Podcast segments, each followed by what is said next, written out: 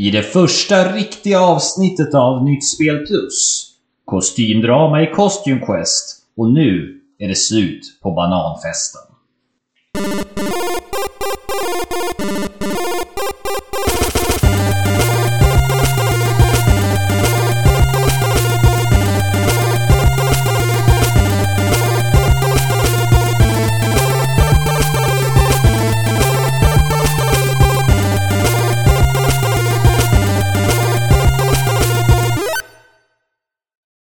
Och då är ni välkomna till det kretiga livet i gräddfilen. Den som pratar nu heter Johan Solinger och är skribent på Play One. Och eh, vid min virtuella sida sitter ingen mindre än David Nylander. Hallå David! Tjena, tjena. Och jag glömde ju att berätta det mitt i den här glassiga inledningen att ni har kommit till det första avsnittet, alltså det första riktiga avsnittet av podcasten Nytt Spel Plus. Podden där vi spelar lite äldre spel och ser på dem med nya och gamla ögon. Um, innan vi kommer så långt David, uh, så du börjar prata om liksom, rätt in på spel och sådär. Hur är läget? Jo, men det är helt okej. Vi är sjuka hela familjen, men eh, det är förkylning och inte det andra. Vad vi vet än. Så Nej okej, okay. ni har inte gjort några... vi, vi håller modet uppe. All right. Ja, det låter bra. Det, du fick ju... Eh, du fick ju... Du, vi var ju med om den första riden här nu för några veckor sedan när vi gjorde pilotavsnittet och så. Eh, vi har ju lite kommentarer mm. som vi har fått med oss ifrån eh, alla möjliga människor. Det har ju varit eh, ganska bra mm. uppslutning får man ju säga. Ja, men det tycker jag. Det är väldigt roligt. Ja, och innan vi går in och pratar om dem och vad de känner kring det. Vad, vad, eh, vad var din känsla efter eh, vårt pilotavsnitt och jungfrufärd?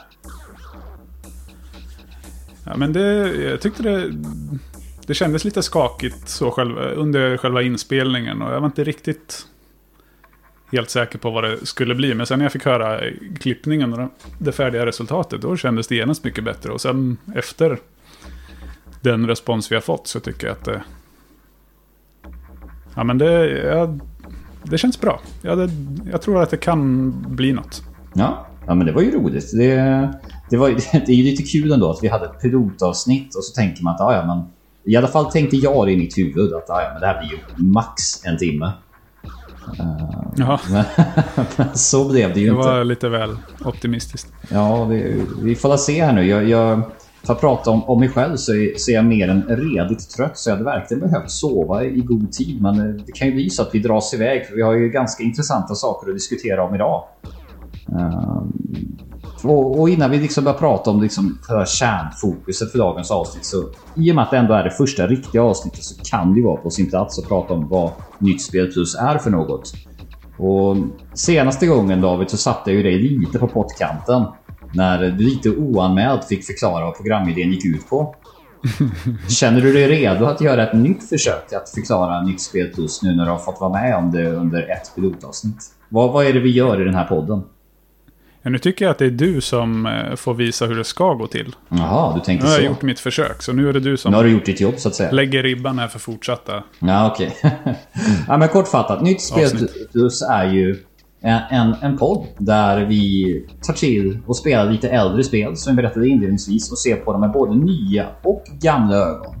Och så som det ter sig är att en av oss tar med sig ett favoritspel. eller en personlig favorit som man håller väldigt nära hjärtat. Men som den andra personen inte har spelat.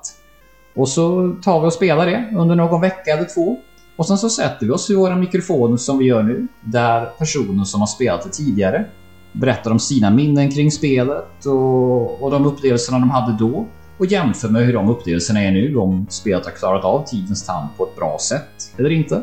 Medan den personen då som inte har spelat det berättar sina förutfattade meningar och sen själva slutresultatet. Ehm, och tanken är ju med detta att få en ganska spänstig och dynamisk diskussion då. Ehm, och dels få testa spel som man kanske aldrig skulle få testa annars.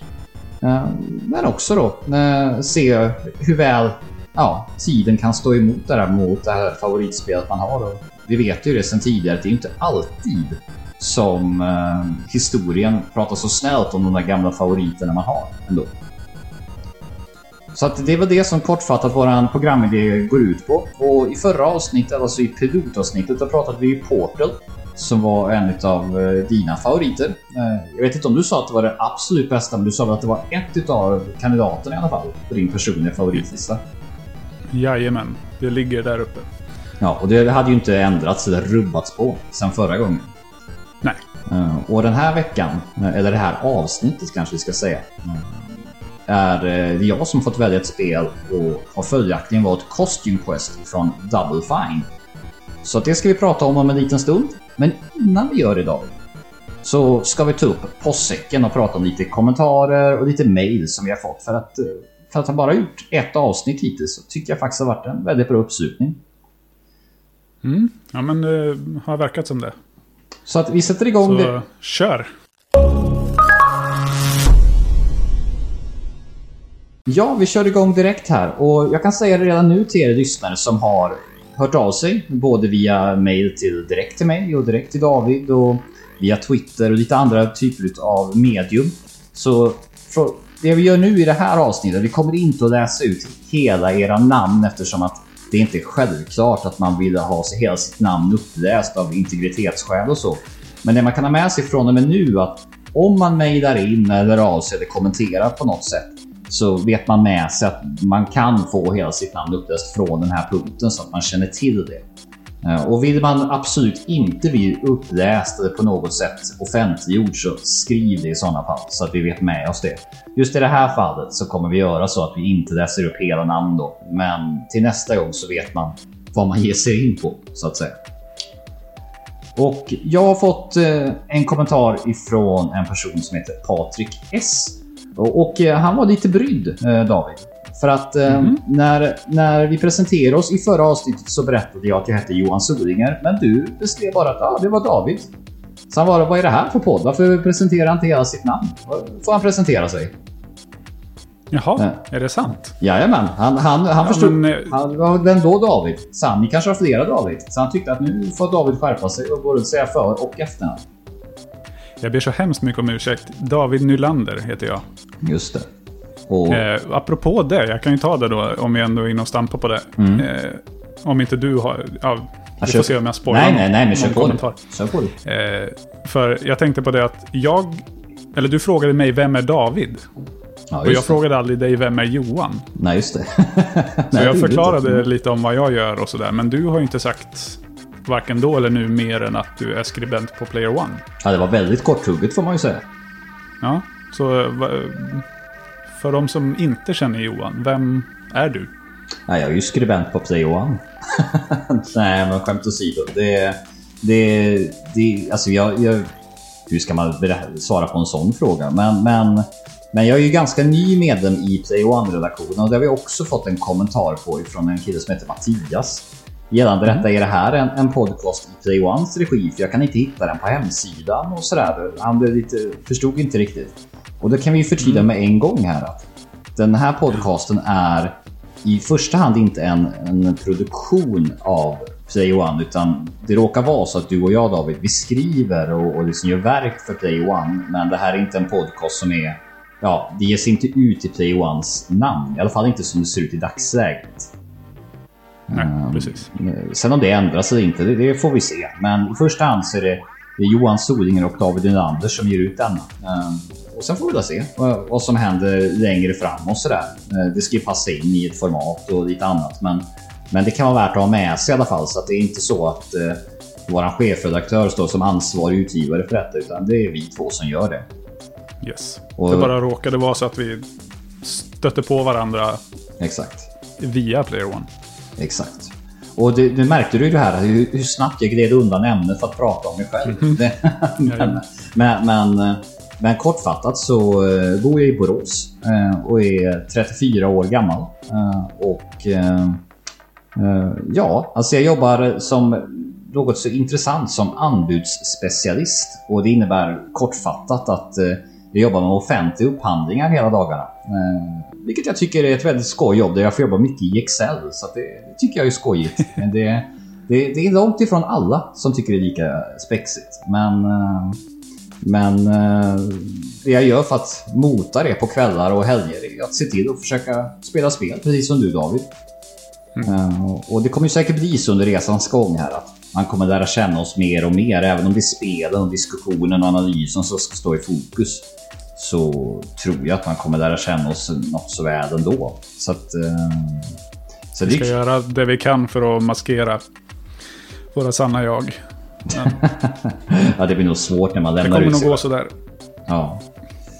Men nu, nu vet vi i alla fall lite mer om mig och nu vet man dessutom vad du heter i efternamn. Och, och Patrik yes. har eh, en, en, annan kommentar också. Eh, han, han, han, skri, han, skriver så här.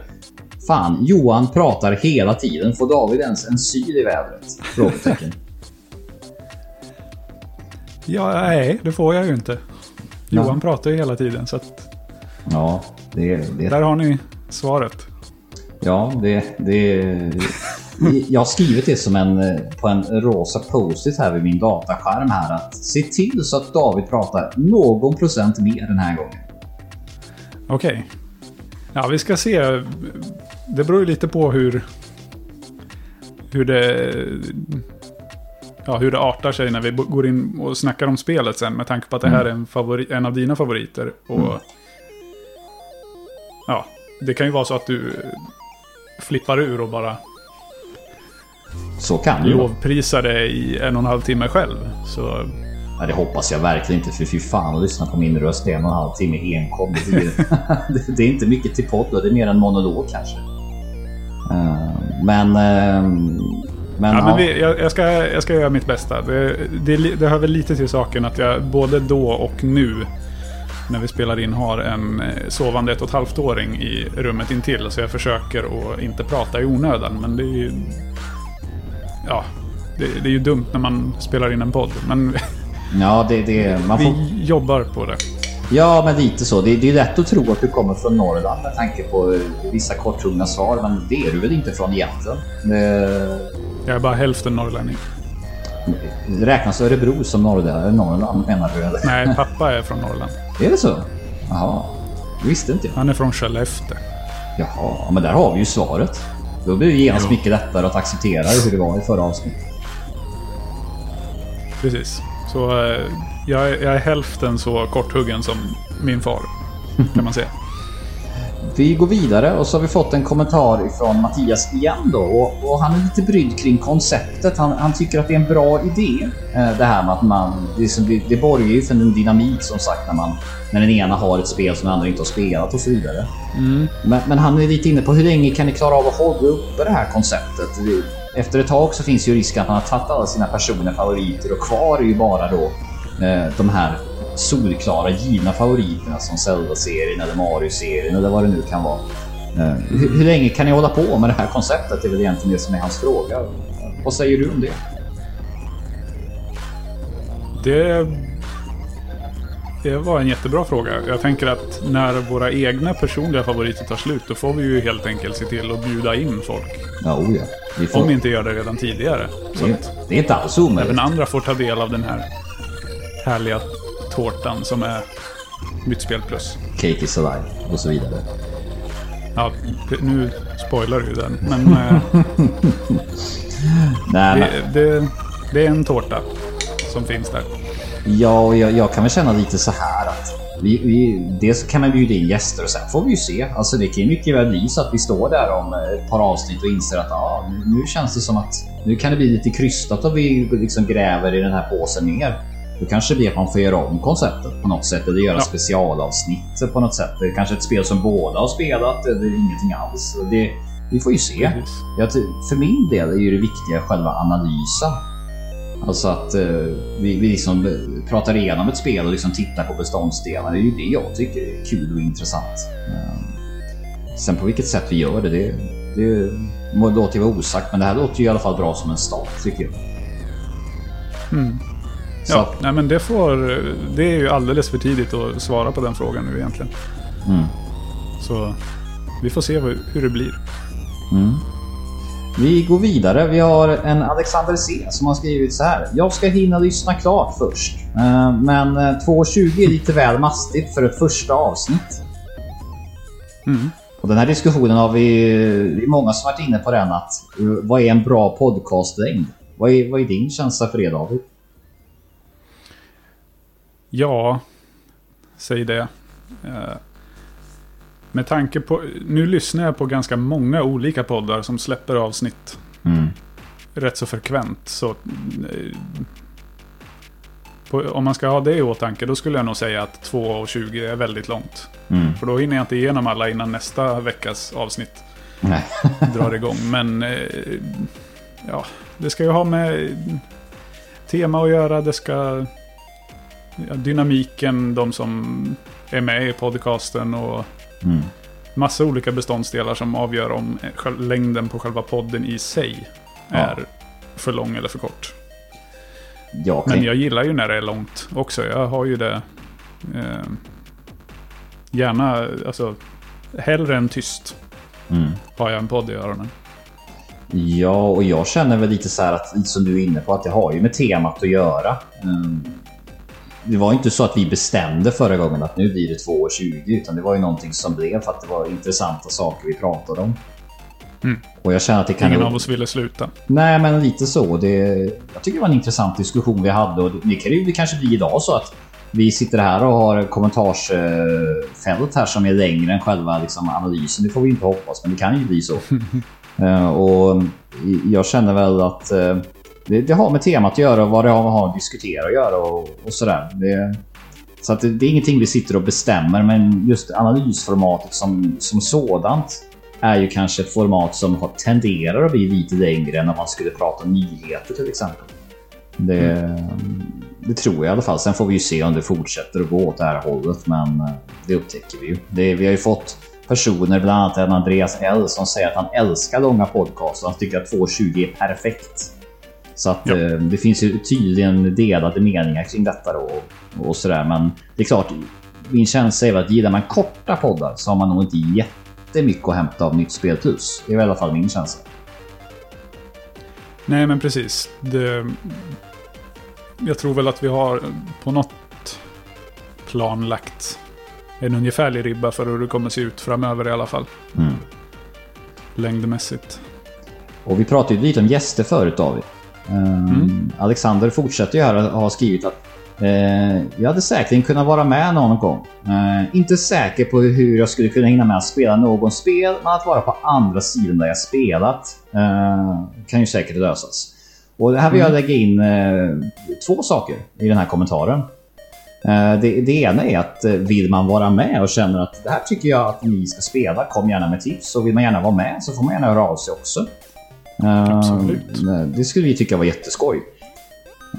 Det vi bara vill braska upp lite att för att konceptet ska fungera, tror jag i alla fall, eh, det är att Mm. man faktiskt, om det nu är en gammal favorit som man gärna vill prata om, så tror jag det är viktigt att för just för konceptet att man faktiskt spelar om det. Man behöver inte spela hela, men man spelar i alla fall en betydande del så man friskar upp minnet lite.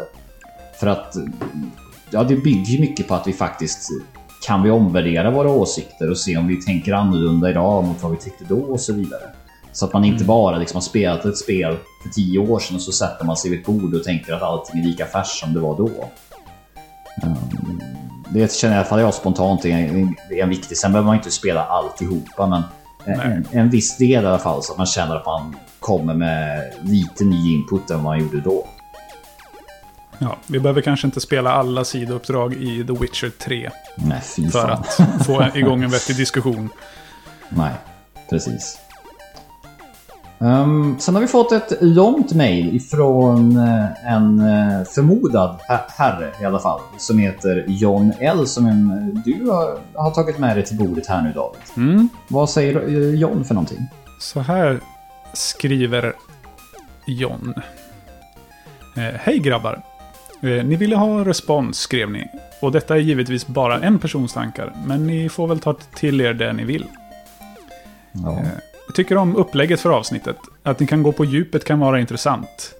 Eh, Men detta är något jag inte riktigt kan utgå från på bara ett avsnitt. Men tänker att det blir tydligare efter ett par avsnitt om det funkar liksom. Det jag tänker spontant är att ni nog bör kunna spoila spel för att på riktigt kunna analysera dem. Publiken som ändå lyssnar ser och hör ändå att ni kommer gå på djupet, så kör all the way. Och innan du går, Men får se efter ett par avsnitt. Glad smiley. innan du går vidare där då. Det, Ja. det, är- jag hoppas att vi var jättetydliga med det förra gången. men, men, bara för att Det- säga det nu. Vi kommer att spoila saker i de här Ja. avsnitten. Det, vill man inte veta, då ska man absolut inte eh, lyssna på den här podden innan, Nej. innan man har spelat. Nej, och jag tror att vi var ganska tydliga med det ändå. Jag undrar om han kanske inte... Jag funderade på det där, om han menar att när vi pratade om eh, de första delarna, grafik och ljudbild och sådär, Mm. så tror jag att jag sa vid något tillfälle att eh, ja, men det här ska vi ju prata mer om sen, så det säger jag inte nu. Nej, just det. Eh, att det var någon sån grej, att jag hade någon spelmekanisk bit eller något, eller något i storyn som jag ville spara till sen. Mm. Eh, och det... Ja, det, det kan ju ha varit det. Eh, men det kände jag ändå var en vettig eller berättigad sak att hoppa över just det skedet. Ja, Sen absolut. kommer vi ju såklart att eh, kliva fram och tillbaka i själva... Mellan de olika delarna. Även när vi pratar ljudbild så kommer det smita in någonting från story eller spelmekanik. Så kanske det... Ja, det är ju oundvikligt eh, tycker jag. Ja. Det blir ju så. Men John har skrivit mer saker också. Jajamän. Eh, sen några mer tekniska saker. Skulle skippa bakgrundsmusiken, den känns onödig. Särskilt irriterande när Johan uppenbarligen spelar in med något gaming-headset. Då hans röst skär många gånger och blir jobbig att lyssna på. Eh, han den andra, det är väl jag då antar jag. Eh, lät däremot jättebra. Antar att han sitter på en riktig mikrofon. Ja, vad skönt att du är han den andra. Ja, ja, det var jätteonödigt att jag presenterade mig med namn och efternamn. ja, det känns så nu. Ja, men det kanske är... Det kanske var därför han missade förra gången. Ja, det kan ju varit därför. Ehm, vad tycker du? Bakgrundsmusiken här David, den blev ju lite... Ja, som alla hör ifrån pilotavsnittet så låter det låter ju som att någon har dratt mig genom en, eh, en gräsklippare ungefär. Det, och det beror inte eh, tvärt emot vad John skriver här att jag skulle suttit på ett gaming-headset utan eh, min mikrofon blev paj så jag har faktiskt fått laga den nu efter bästa förmåga och jag hoppas det låter bättre den här gången. Uh, I alla fall så får jag köpa en ny uh, mick. Men tanken med bakgrundsmusiken var dels att maskera det absolut värsta. Men eh, också, ja, tycker jag i alla fall att det blev ganska så... Uh, alltså i och med att vi jobbar med ett, eh, ett medium man lyssnar på så kan det ju vara skönt att höra hur spelet faktiskt låter, tycker jag. Mm. Eh, jag vet inte vad du känner kring det David? Nej, jag eh, reagerade inte så jättemycket på eh, hur du lät. Men eh, du lät ungefär så som jag hör dig nu. Mm.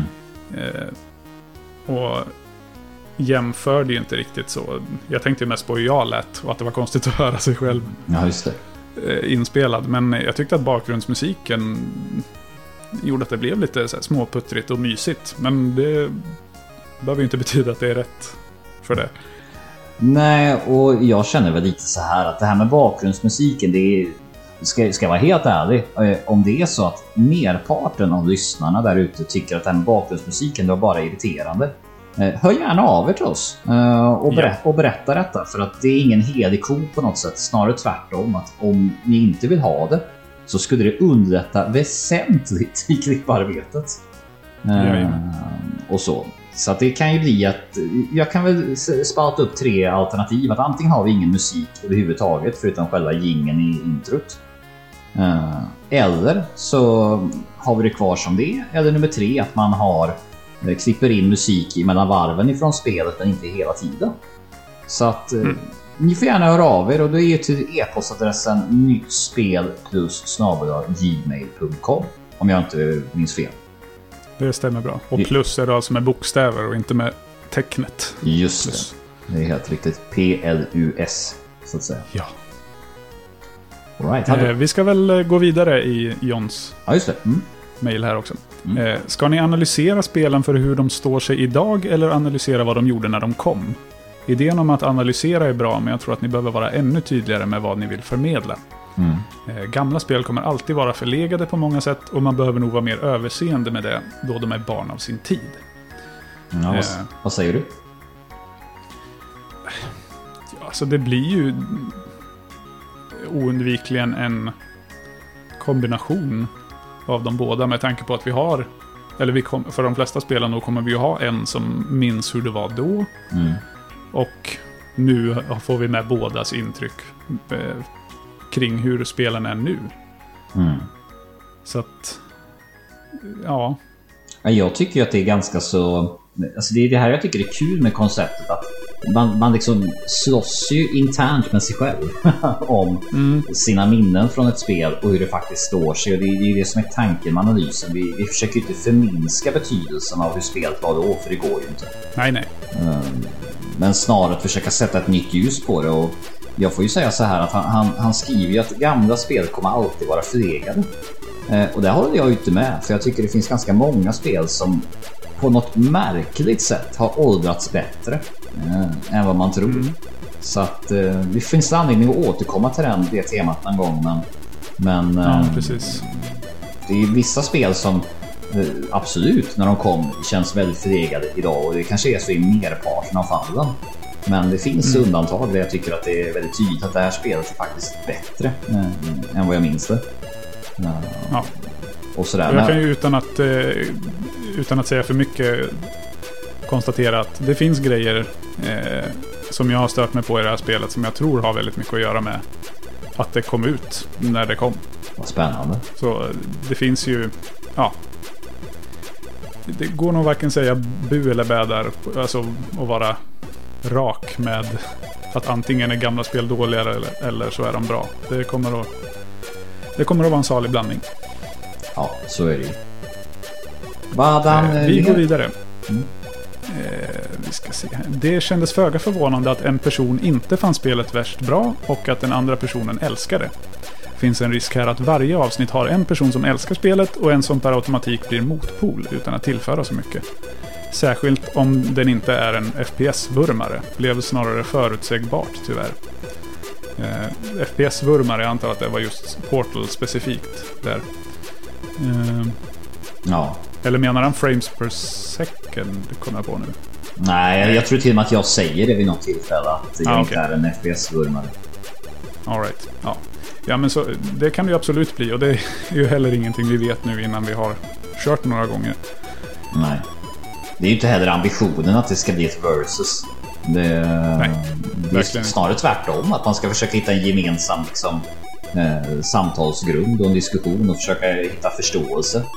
Eh, Och det är inte tanken liksom att det ska bli en match utav det. Ibland kanske det till och med är så att båda två tycker att det här är skräp när man spelar och ibland är det kanske tvärtom. Eh, Eller att det är liksom att den ena personen som inte har spelat innan hyllar och medan andra personen som när de spelar om det har fått helt andra intryck.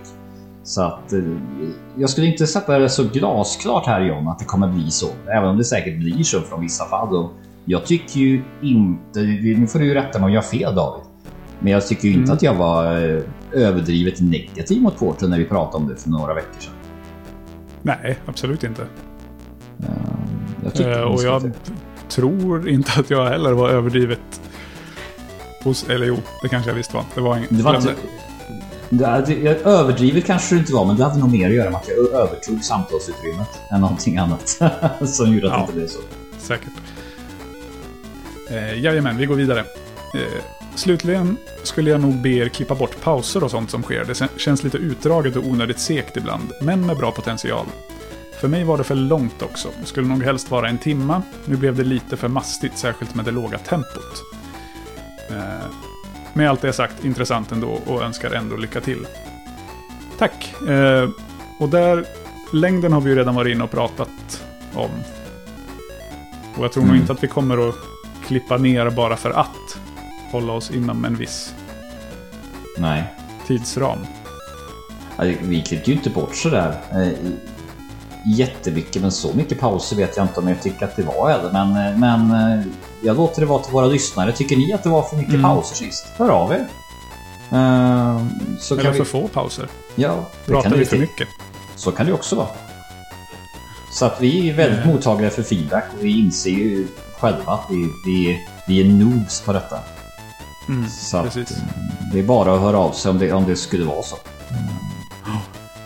Sen har John ett litet PS också. Om ni ska prata Portal så skulle ni ha pratat om båda spelen då tvåan är en tydlig förbättring. Särskilt med co-op-läget i den. Plus att den senare snarare representerar det bästa med serien.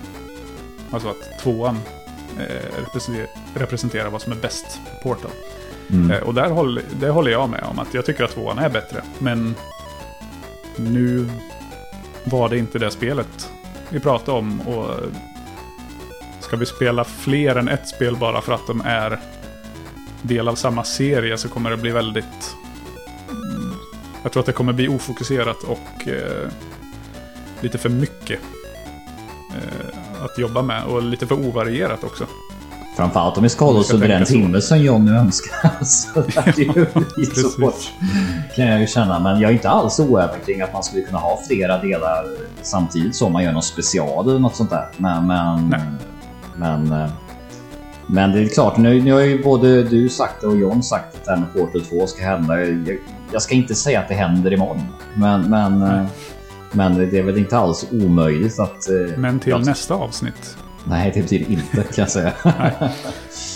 Ja, men det var kul. Tack så mycket John för ditt mejl. Uh, det var ju ett väldigt långt mejl, men det, är kul och det var väldigt konstruktivt tyckte jag. Med saker mm. du, som eh, du gillade och saker du tyckte var mindre bra och även gav förslag på förbättringspotential. Och sånt tycker jag när man får det så här konstruktiva sättet. Kon konstruktiv kritik, det är det vi vill ha.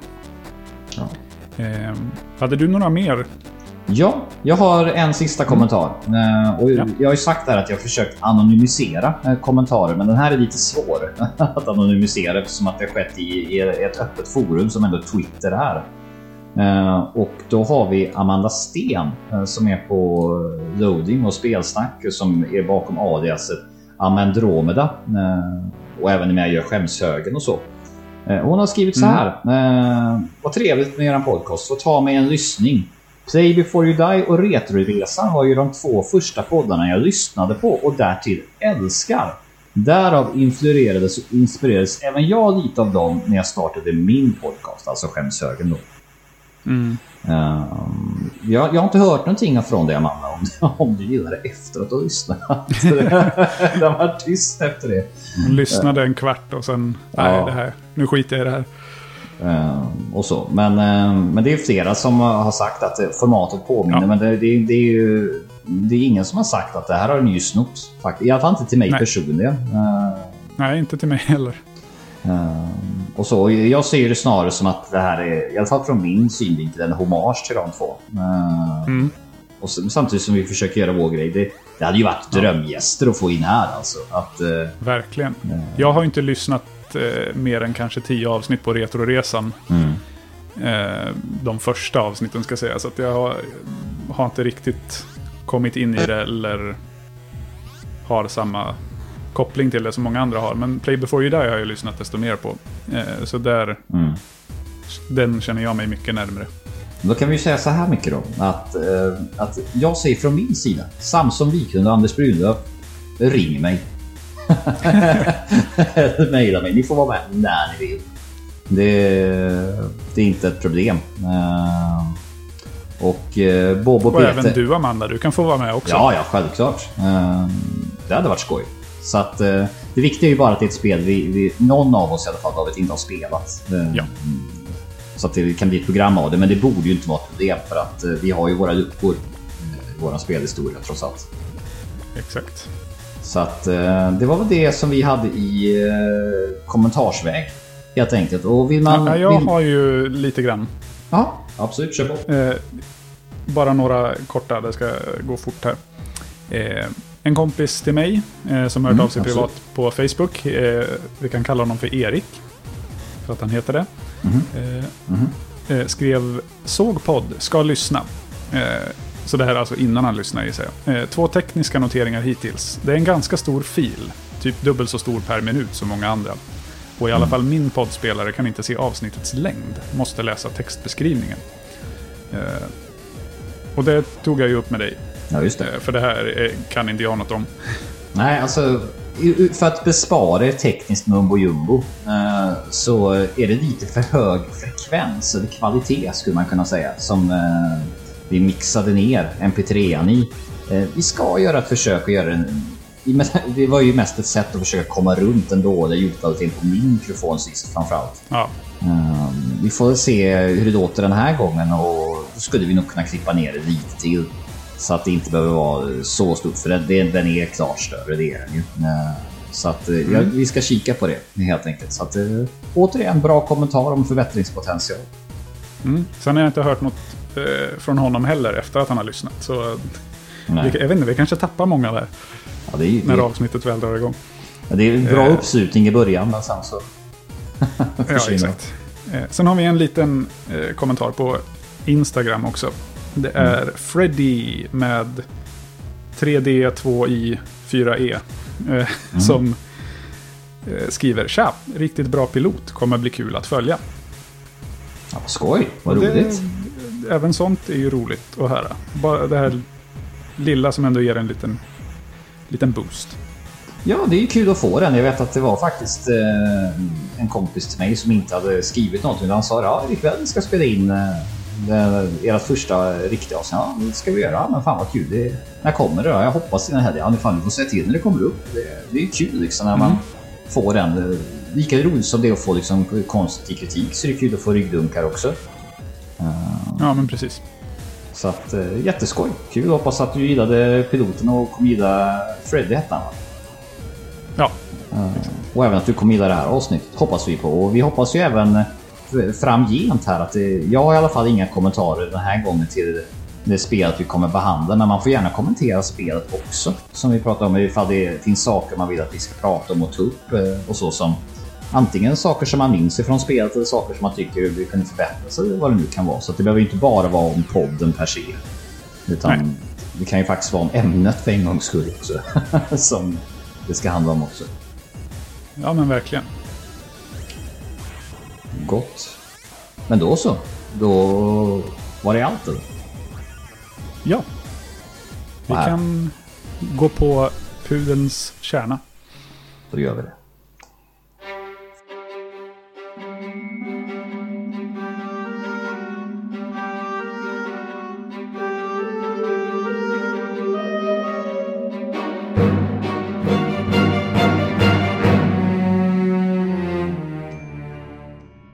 För till det här avsnittet så har vi spelat eh, en av mina personliga favoriter, Costume Quest. Och vi gör precis som vi gör förra gången David, att vi kör en liten kort faktaruta vad det här är för typ av spel, eh, vilka format mm. det finns till, ja, men lite bakgrundsfakta så man förstår vad det är vi pratar om.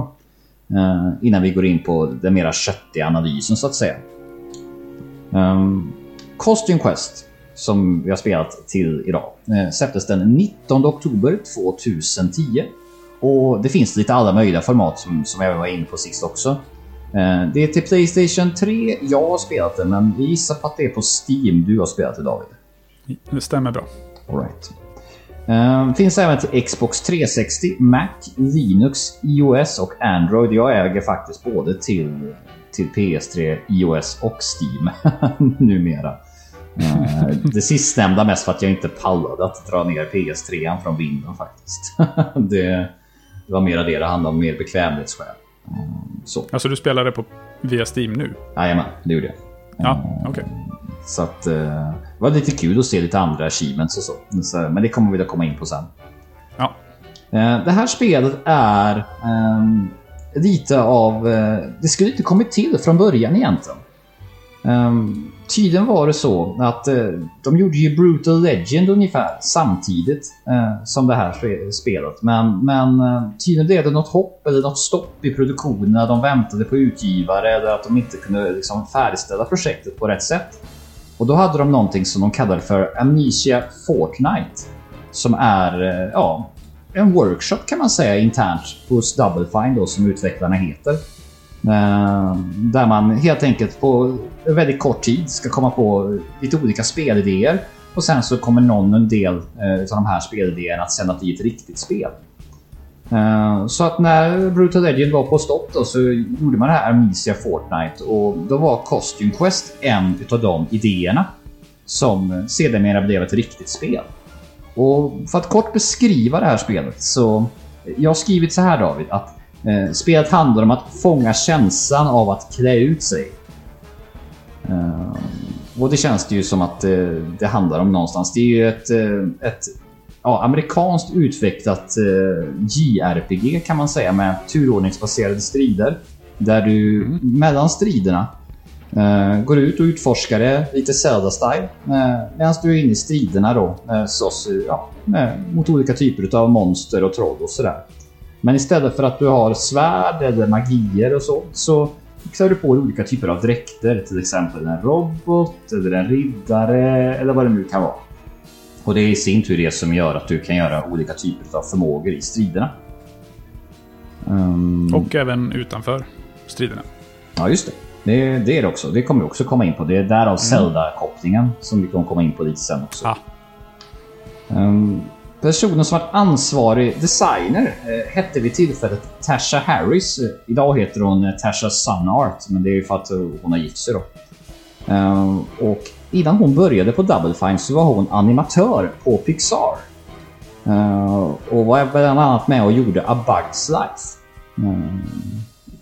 Ingen sån här film jag har så jättesköna minnen av. Eller så där. Det finns ju bättre Pixar-filmer, känner jag spontant. Men det är väl en fin mm. merit. Ja, men jag håller med där.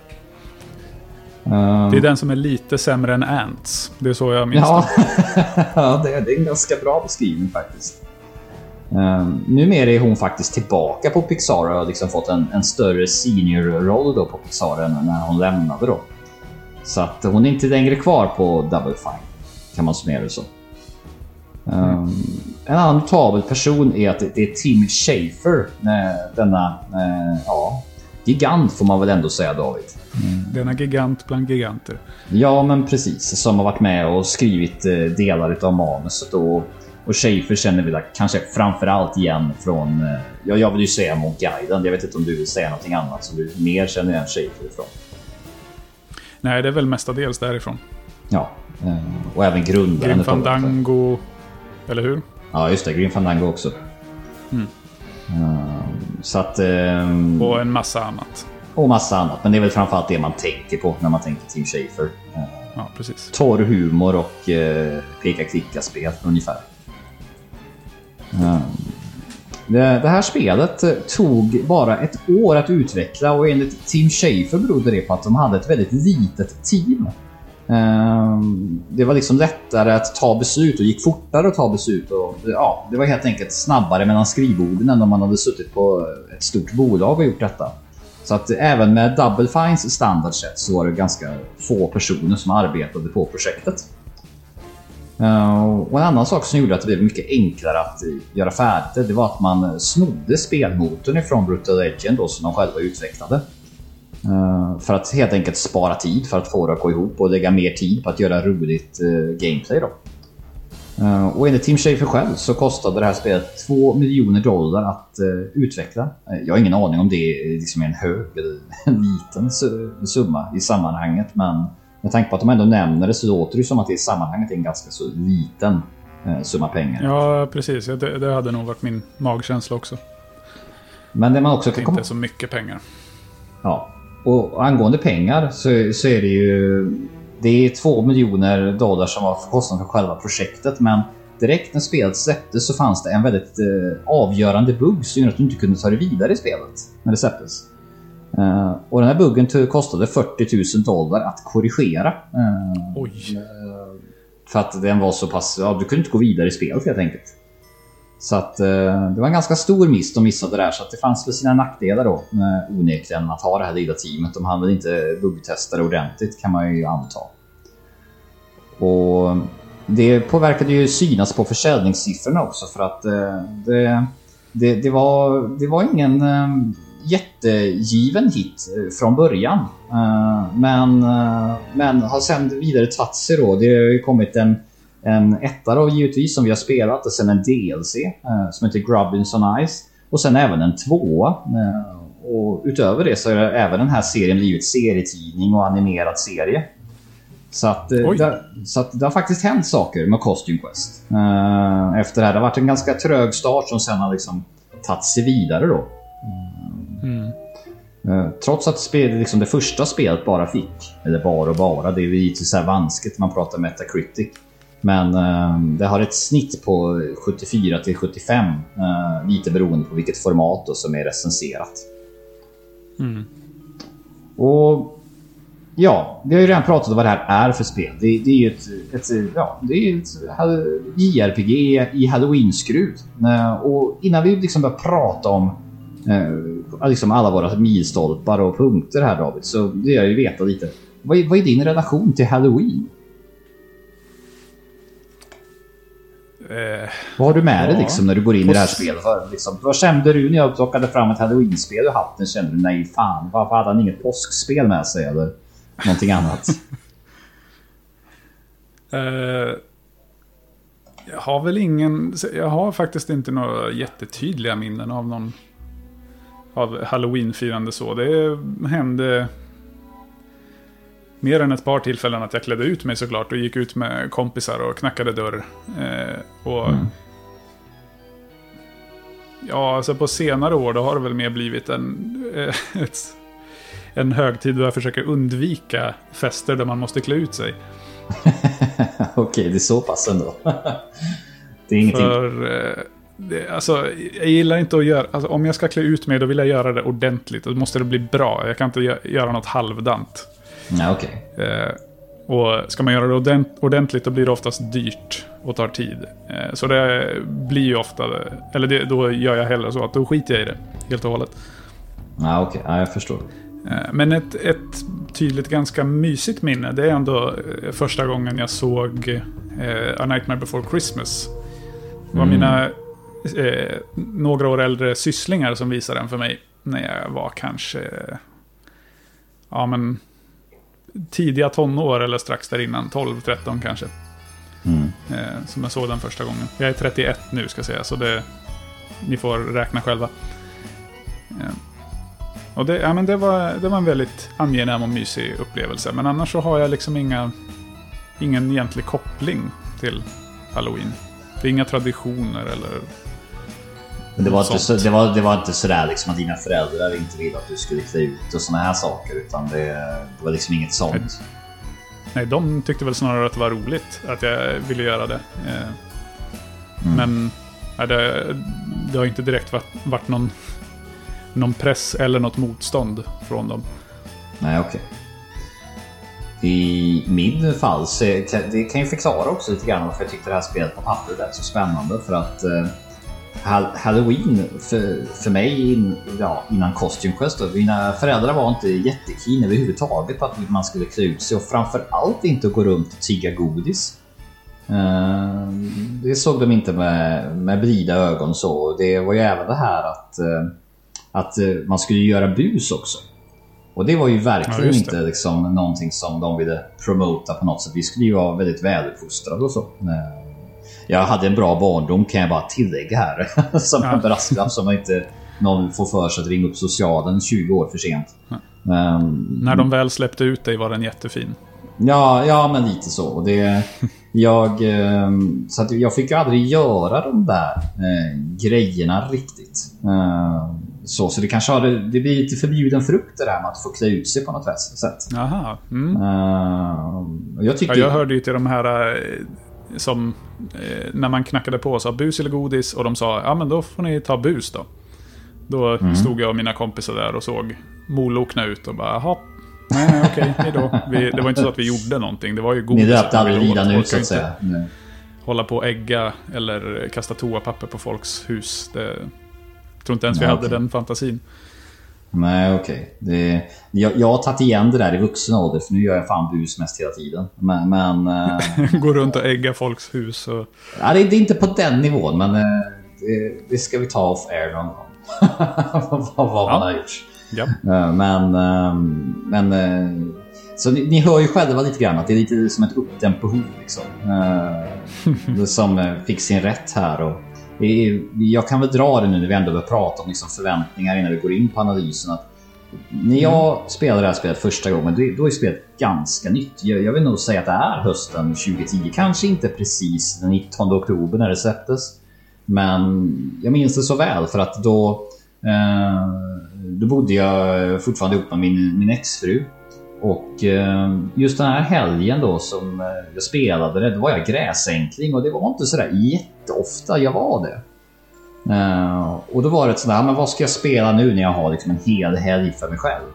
Så då scrollade jag runt på Playstation Network och var så trött på alla själlösa FPS återigen som jag sköljdes över. Och så såg jag här... Usch, jag tar det här Ja, men typ. men eh, så eh, såg jag någonting med färger. Vad är det här för någonting? Och så var det ju liksom både väldigt färgglatt och, och härligt samtidigt då som det var de här dräkterna. Jag tänkte att det här måste jag spela.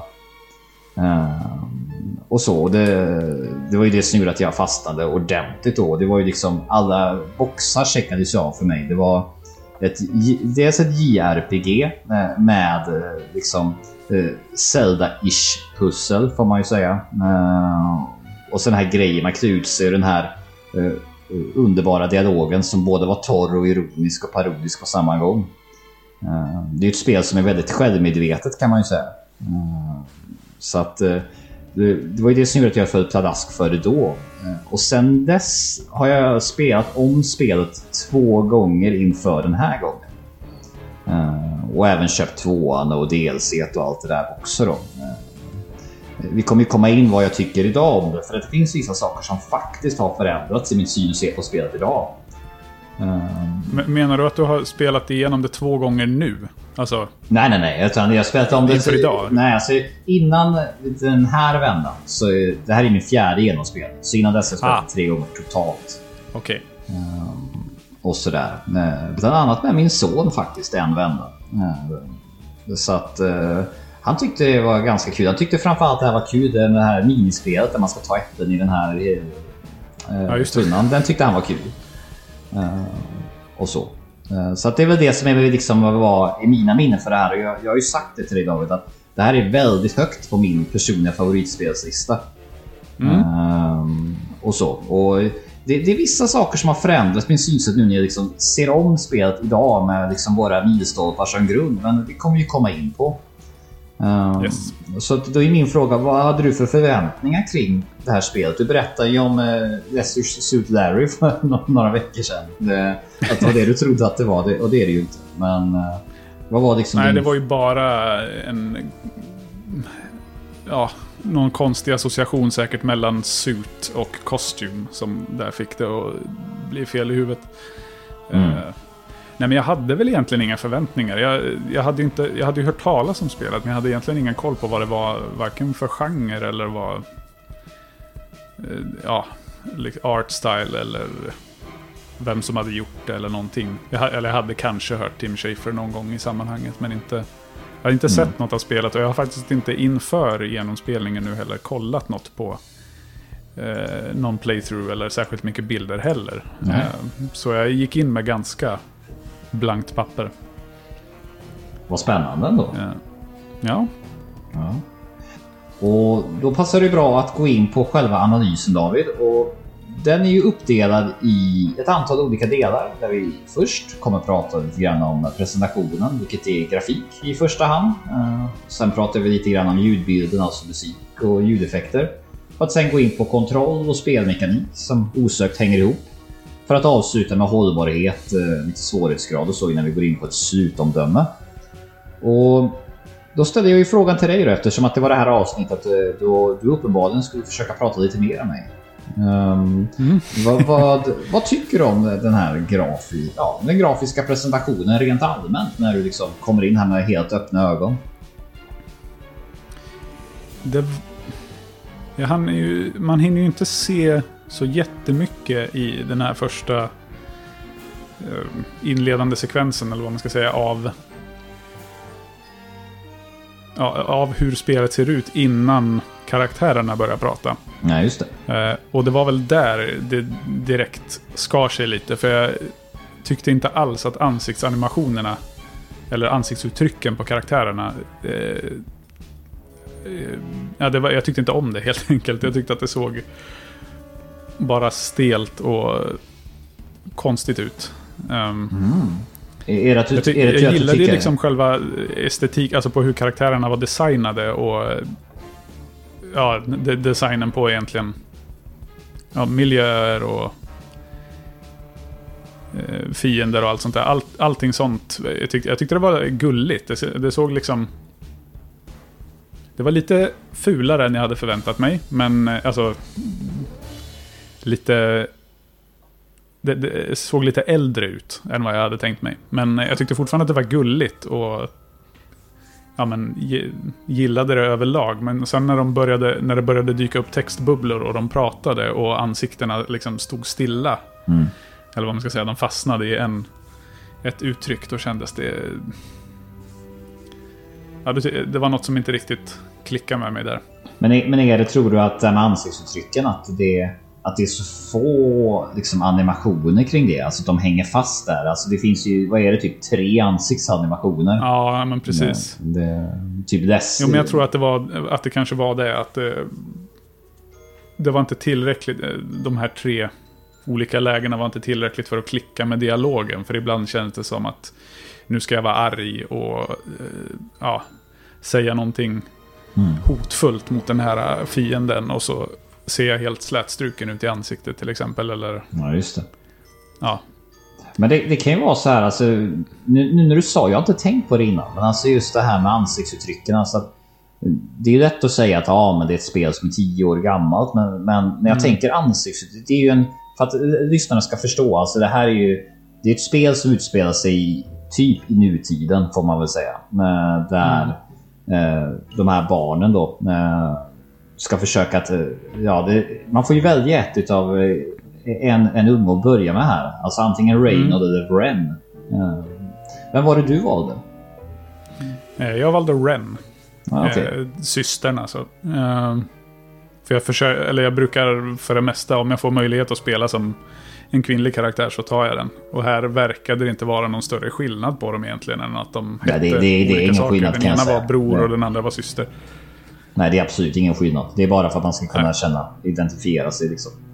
Ja, exakt. Och det de gör då är att i, i bästa cell shading serietecknarstil. Eh, det är mycket liksom tjock, tjock tusch och klara färger. Eh, som de går runt i, i den här nutidsvärlden då, där de besöker ett eh, köpcentrum och de besöker ett eh, suburban förortsområde. För att sen hamna på ett tivoli. Så att det är väldigt mycket nutida miljöer och så. Och det som slog mig nu när du pratade om an, liksom ansiktsanimationerna. Det är ju det här att... Mm. Jag vet en stor grej med när Wind Waker kom. Det var ju just att de har ju väldigt så här Ja, det är ju inte många streck de använder. Men, en, men ändå lyckas man att förmedla känslor med liksom hur ögonen, vad pupillerna är och hur munnen eh, ser ut och sådär. Det får man ju säga nu om man nu ska klanka här att jag håller med dig just med, med ansiktsanimationerna i Costume Quest att det är lite för rudimentärt. Mm. Ehm, det har jag inte tänkt på innan men, men det är klart det är så. Det, det är lite för basic. Mm. Um. Ja, men jag tror att det, för det är ganska mycket... Det är väl just det att ögonen gör inte så mycket. Utan ögonen är väl samma form hela tiden tror jag. Och sen är det typ att ögonbrynen ändrar sig lite och munnen. Mm. Jag kan ha fel nu, men jag tror att det är så att, att ögonen de har, behåller samma form. Och att det kanske är där det inte riktigt ja, just det. funkar. Nej, men det, det, är nog, det är nog som du säger. Det, mm. och, och det jag har också skrivit det här att det, det, det är lite kantigt på sina ställen. Eh, mm. Det här spelet. Man, man, man märker ju att det inte är högupplöst. Liksom. Eh, men, men lite som du själv är inne på. Att, att det det förlorar på det tekniska, det vinner ju en del liksom, på charmen istället. Ja. Eh, och hur ja, det... precis. Och det var väl, det kände jag väl. Det här var ju de, det första jag la märke till och då, och då blev det lite ja, eh, lite dålig start. Men sen när jag bara köpte det, jag bara, ja men det är så här det ser ut. Eh, det får vara. Och, så, och istället fokusera på dialogen och själva spel, eh, mm. speldelen av det. Då kändes det inte lika illa längre. Nej. Det, det, finns ju en del, alltså det jag, det jag tycker spelet vinner mycket på det grafiska, det är just de här små, små, små detaljerna eh, som dyker upp mellan varven. Eh, bara för att ta ett dumt exempel. Alltså det, det här, det, ska ju på något sätt vara lite serietidningseskt det här spelet. Det märks ju i vissa av cutscenesen och så här också. Eh, till exempel när du slår, det här är också en sån här liten detalj, men när, när du slår en fiende i spelet, i striderna. Mm. La du märke till att det står, det är precis som i Batman, att det står wham och pang och såna här grejer när du slår dem? Nej. Nej. Det har jag... jag... Jag har bara kollat på, tror jag, hur, siffran, alltså hur mycket man har gjort i skada. Så jag tror jag har missat hela den grejen. Det kan ju vara att jag spelat det så många gånger så att jag liksom vet vad, ja. vad, vad respektive attack gör. Men det var så här, aha, det tänkte jag på nu att, eh, att det står ju där. Och, eh, det blir ju så när man spelar om det att man, man lägger märke till andra saker. Eh, mm. Du vet i inledningssekvensen där när de är, innan de går ut på gatan och ska göra trick or treat. Mm. När pappan som sitter i soffan där, när han, han sur upp sin tidning. Eh, så står det ju Candy Crisis eh, till exempel på, eh, på tidningen. Och det är många sådana där sköna mm. liksom, små grejer som var och en för sig inte är hysteriskt roliga. Men man sitter och småfnissar lite när, när man ser många av de här grejerna. Det, det känns som att de har liksom lagt mycket krut på liksom att göra, göra spelet mysigt och, ja. och sådär. Och det kanske har gått ut över då det tekniska då helt enkelt. Mm. Men, men, eh, när vi ändå, vi var ju inne lite i hur det funkar i striderna. För där blir det ju en helt annan estetik. Oh ja. Där, där blir ju både karaktärerna man spelar som och fienderna mycket mer Verklighetstrogna är väl dumt att säga, men de blir ju lite... Alltså, ja, men det, ser ju, det, det känns som att... Större och mer detaljerade. Ja, det känns som att helt plötsligt fick de lite fler pennor att, mm. att rita med på något sätt. För att om man tänker hur det ser ut när du har den här eh, overhead-viewn så att säga, där du går runt eh, på de här kartorna. Mm. Så, så ser det lite så här shabby chic och gulligt ut. Men då blir det helt plötsligt... Eh, jag håller med dig, då känns det som att man har lite annat krut. Och det kan ju ha att göra med att det bara är liksom en statisk fighting-skärm och sen ett par eh, polygonfigurer du ska rita upp. Mm. Uh, vi ska inte gå in och prata favoritdräkter och sånt än, men det är klart att en stor behållning i det här spelet är ju att se dräkterna när de förvandlas. Ja, verkligen. Uh, och vad de gör. Det är ju det som är liksom... Mm. Grej. Ja, men och där, där kände jag väl också att när jag la märke till det första gången, hur det såg ut i striderna, då förlät jag eh, ansiktsanimationerna mycket mer. För då kändes det som att ja, men det ska vara någon slags eh, ganska grundläggande, eller alltså, med avsikt lite fulare mm. estetik överlag i spelet. Och sen i striderna då ska det bli den här mer detaljerade. Och, mm. Det har jag inte tänkt på. Ja, när det ser snyggt ut. Men det, kan, det kanske är med flit och de har gjort att det ska. För det tänkte till och med jag på nu att fan, det ser rätt bra kantigt ut alltså. När, äh, man känner lite, inte riktigt så, men du vet. Du har ju spelat Paper Mario till Nintendo 64 gissar jag på. Nej. Oj, då har vi en fram... Jag har inte spelat fram... ett enda Paper Mario-spel. Där har vi något till listan kände jag. Men, eh, men, men, men, det är ju liksom, du, du, vet hur det ser ut i alla fall. Ja. Det är ju det är liksom...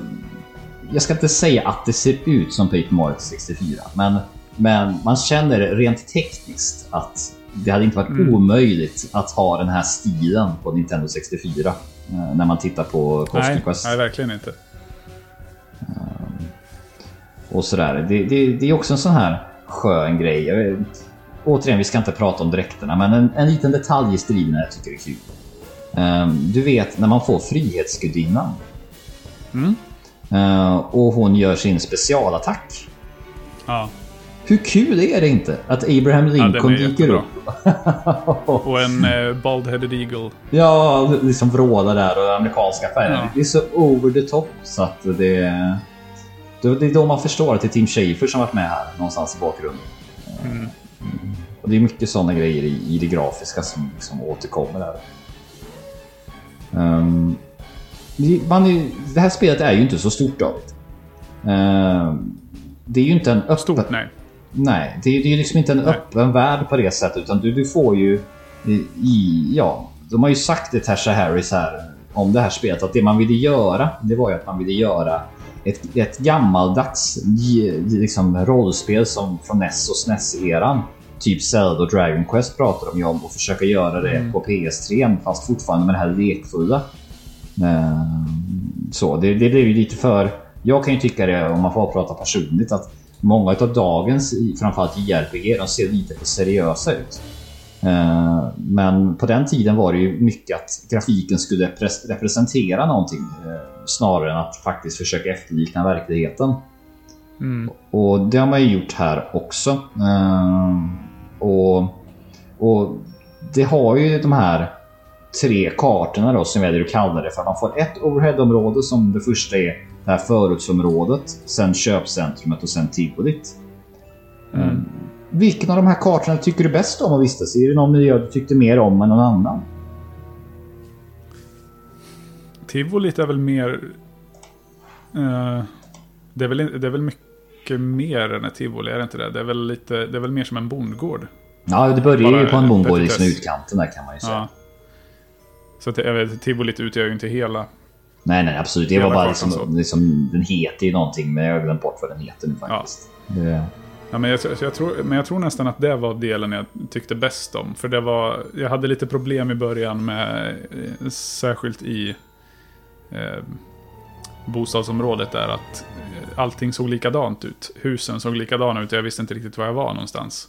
Mm. Det var mycket lättare att orientera sig. Eh, och det var, ja, trivsammare och har den variationen mer som det var på sista, i sista delen där. Mm. Ja men verkligen. Det, jag, jag kan hålla med. Jag, jag tycker att eh, Tivolit är, är alltså, jag gillar köpcentrumet också men det, det, mm. det har nog mer att göra med att jag tycker jag vet inte varför, men det kanske också har någonting med barndomen att göra. Att man minns alla de här gångerna man drogs med morsan till ett varuhus. Liksom. och tänkte att man kunde göra andra roliga grejer än att gå runt i klädaffärer. Liksom. Fick du gå på tivoli när du var liten? Ja, alltså, I och med att jag har bott i Göteborgsområdet så har man ju varit en hel del på Liseberg och det är inte riktigt samma grej. Ah. Men, men, däremot så vet jag att jag bodde i en liten ort utanför Göteborg. Där kunde det vara så att man hade så här ortens dag eller något dylikt eller någon föreningsdag så kunde det komma såna här ja men du vet eh, kringvandrande mm. karuseller i princip som man tog dit som man sett på stadsfestivaler och så. Uh, och det är lite den känslan som den här sista kartan har. Att det är, liksom, det är, några, det är tivoli som är bara är på här någon dag eller två och sen försvinner de vidare. Typ. Just det. Uh, men annars har jag ju liksom inget. Så det, man blir lite bortskämd när man har Liseberg nästgårds. Liksom. Det, ja. Uh, onekligen. Men um, om du känner att du har något mer att prata om det rent grafiska? Frågetecken. Mm, nej. Uh, det, jag, jag gillar, så här i efterhand så gillar jag liksom hur det ser ut. Det, mm. det växte på mig. Mm. Det, var en, det var en dålig start men sen fick det en lite bättre avrundning. Jag gillar ju också eh, liksom shading grafik överhuvudtaget. Det, det är alltid en USP för mig på något sätt. När okay. ett spel har eh, cell shading. Jag inser att det är lite ohälsosamt men det har nog att göra med att jag också tycker om pixelgrafik också. Och mm, jag ska inte säga att det liksom är en rak motsvarighet, men jag kan tycka ibland att när man spelar eh, inom situationstecken moderna spel eh, där det liksom ska vara så überrealistiskt som möjligt så tycker jag att det, det är någonting som går förlorat lite grann. Eh, mm. Cell shading är ju så uppenbart att det, det inte ska efterlikna verkligheten. På något sätt. Och det är därför... Blir mer åt det tecknade hållet på samma sätt som ja, pixelerade spel var åt det tecknade hållet. Ja, men lite så. Det, var ju, det insåg man ju också när man gjorde typ, liksom, ja, på 16-bitars eran att det här kommer inte att se verkligt ut. Eh, så då kan vi lika gärna försöka att hitta en egen stil. Eh, och det, det är väl liksom en... Jag ska inte säga att jag inte uppskattar att spela spel som eh, satsar på realism, för det, det är inte riktigt sant. Men, men jag, kan, jag tycker att det finns för lite av spel som försöker ta ut svängarna på, på det här sättet. Sen så har det blivit bättre med indie-marknaden och så idag än vad det var då så att säga. När, när Costume Quest släpptes. Men det, eh, jag, jag, jag, är, är alltid lite glad när jag ser ett cell-shading-spel. Nästan oavsett vad det är för någonting. Um, vilket ja, kan... Spännande, det kanske dyker upp fler.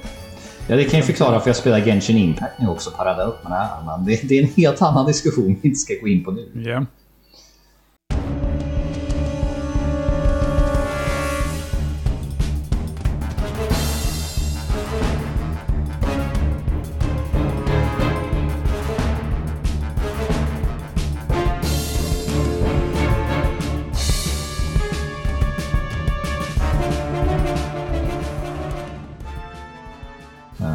För att vi ska prata lite grann om ljud istället. Så att uh, om du mm. skulle göra ett försök på att beskriva ljudbilden i Costume Quest. Hur, hur skulle du beskriva att det låter? Nu blir jag ju lite... Ja, nu blir jag rädd att jag bara kommer låta negativ rakt igenom. Men det är ju inte mycket jag minns från den här ljudbilden. Alltså. Mm. Det, speciellt kanske eh, har att göra med musiken. Det är lite för att återkoppla till det du, eh, när vi pratar om eh, Portals musik. Mm, ja, just det. Att det är inte så mycket melodier i de här eh, musikstyckena eller saker som mm. gör att man minns. Det är inget man sitter och nynnar på när man har stängt av spelet. Åtminstone inte för mig. Nej. Den, det är musiken som är där, den är, den är också, ja men jag skulle kanske beskriva den som lite gullig också. Att den gör det den ska. Mm. Eh, den är där eh, och fungerar väldigt bra liksom, i striderna och utanför. Men den gör inte så mycket mer än så. Mm. Ja, jag, och ibland känner jag att det saknades eh, musik överlag. Eller ja, någon annan form av ljud i i alla fall i mellansekvenserna, för ibland blev det bara att de bara stod och pratade. Det, det, textbubbla efter textbubbla och mm. knäpptyst. Jag får ju säga för att kontra då. Alltså jag håller ju med om att, att uh, musiken är mysig. Men den är mysig på det där sättet som jag upplever att så här, liksom matinéfilmer från 80-talet kan vara mysiga. Uh, det, det är någon slags... Jag ska inte säga liksom att det, För jag håller med om att jag hade nog gärna velat haft lite fler minnesvärda spår. Det håller jag helt med om. Men, men, mm. men jag tycker ju ändå att det finns spår här. Jag tänker framförallt när man sätter igång introskärmen när de här stråkarna kör igång. Eh, till exempel som man får lite den här. Ja, men nu ska jag sitta och titta på en riktigt mysig med brist på bättre ord, mysig Disney-film känner jag. Utan att det liksom finns de här eh, riktigt liksom. Det finns ju inte topparna som det finns i en Disney-film. Men, men, men, men, feelingen tycker jag är densamma. Eh, mm. Sen, sen, finns det ju spår här som jag vet inte om jag gillar det för att jag gillar låten eller om jag bara blivit hjärntvättad. Men eh, när man är inne du vet, i köpcentrumet. mm. Den jävla låten som går där. Eh, det är ju sån uppenbar liksom, eh, passning till alla de här jinglarna man får höra när man går i köpcentrum som de hade loopat tio varv om liksom, för att den ska vara så irriterande som möjligt. Och de har ju fångat känslan i det, men av någon anledning så tycker jag fan, det här är rätt mysigt ändå. Det, det kan jag gå runt och shoppa en stund. Uh, den kanske hade en motsatt effekt på mig där, att den bara blev...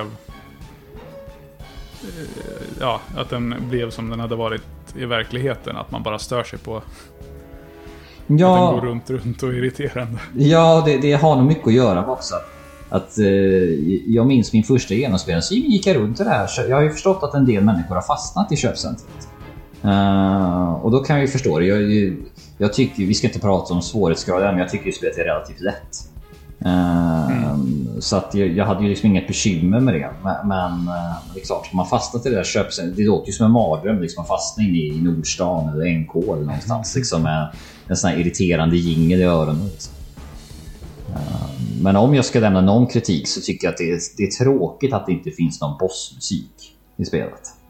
Ehm, det är ju likadan liksom, mm. slinga som går oavsett om du möter en dussin fiende eller en mellanboss eller slutbossen. Mm. Och det är lite tråkigt. Ehm, det jag annars vill plussa för, det är ju ljudeffekterna. Jag tycker många av de här ljudeffekterna det, det, har liksom ett säreget ljud som man, eh, som man känner ah, det där är från Costume Quest. Till exempel när man får pommes frites-dräkten. Uh, när man trycker igång den förmågan och den ska lukta friterat. Det där liksom frasiga liksom stekfrityrljudet. Varje gång jag är på McDonalds så tänker jag på den. det... Men vad, är det Alltså när man använder förmågan i strid? Nej, när du använder den liksom utanför strid. När du ska locka de Jaha, här personerna. När man, när man ska locka folk. Ja, det där ljudet tycker jag, det, det, det är något väldigt krispigt och tillfredsställande. Ja. Jag undrar om... Jag tror inte att jag hörde det alls. Oj. Det var vid något tillfälle när jag... Det var vissa grejer som... överröstade musiken i striderna tror jag. Om det var ljudeffekter när de slogs eller någonting. Så jag, jag drog ner den mixen med ljudeffektmixen så att den inte skulle vara lika skarp. Och då kanske jag tappade lite. Ja, det är möjligt. Av Eh, de, Då, då, har du, då har inte du heller hört när pommes frites-dräkten så att säga, när den anfaller i strid, den ljudeffekten heller. nej.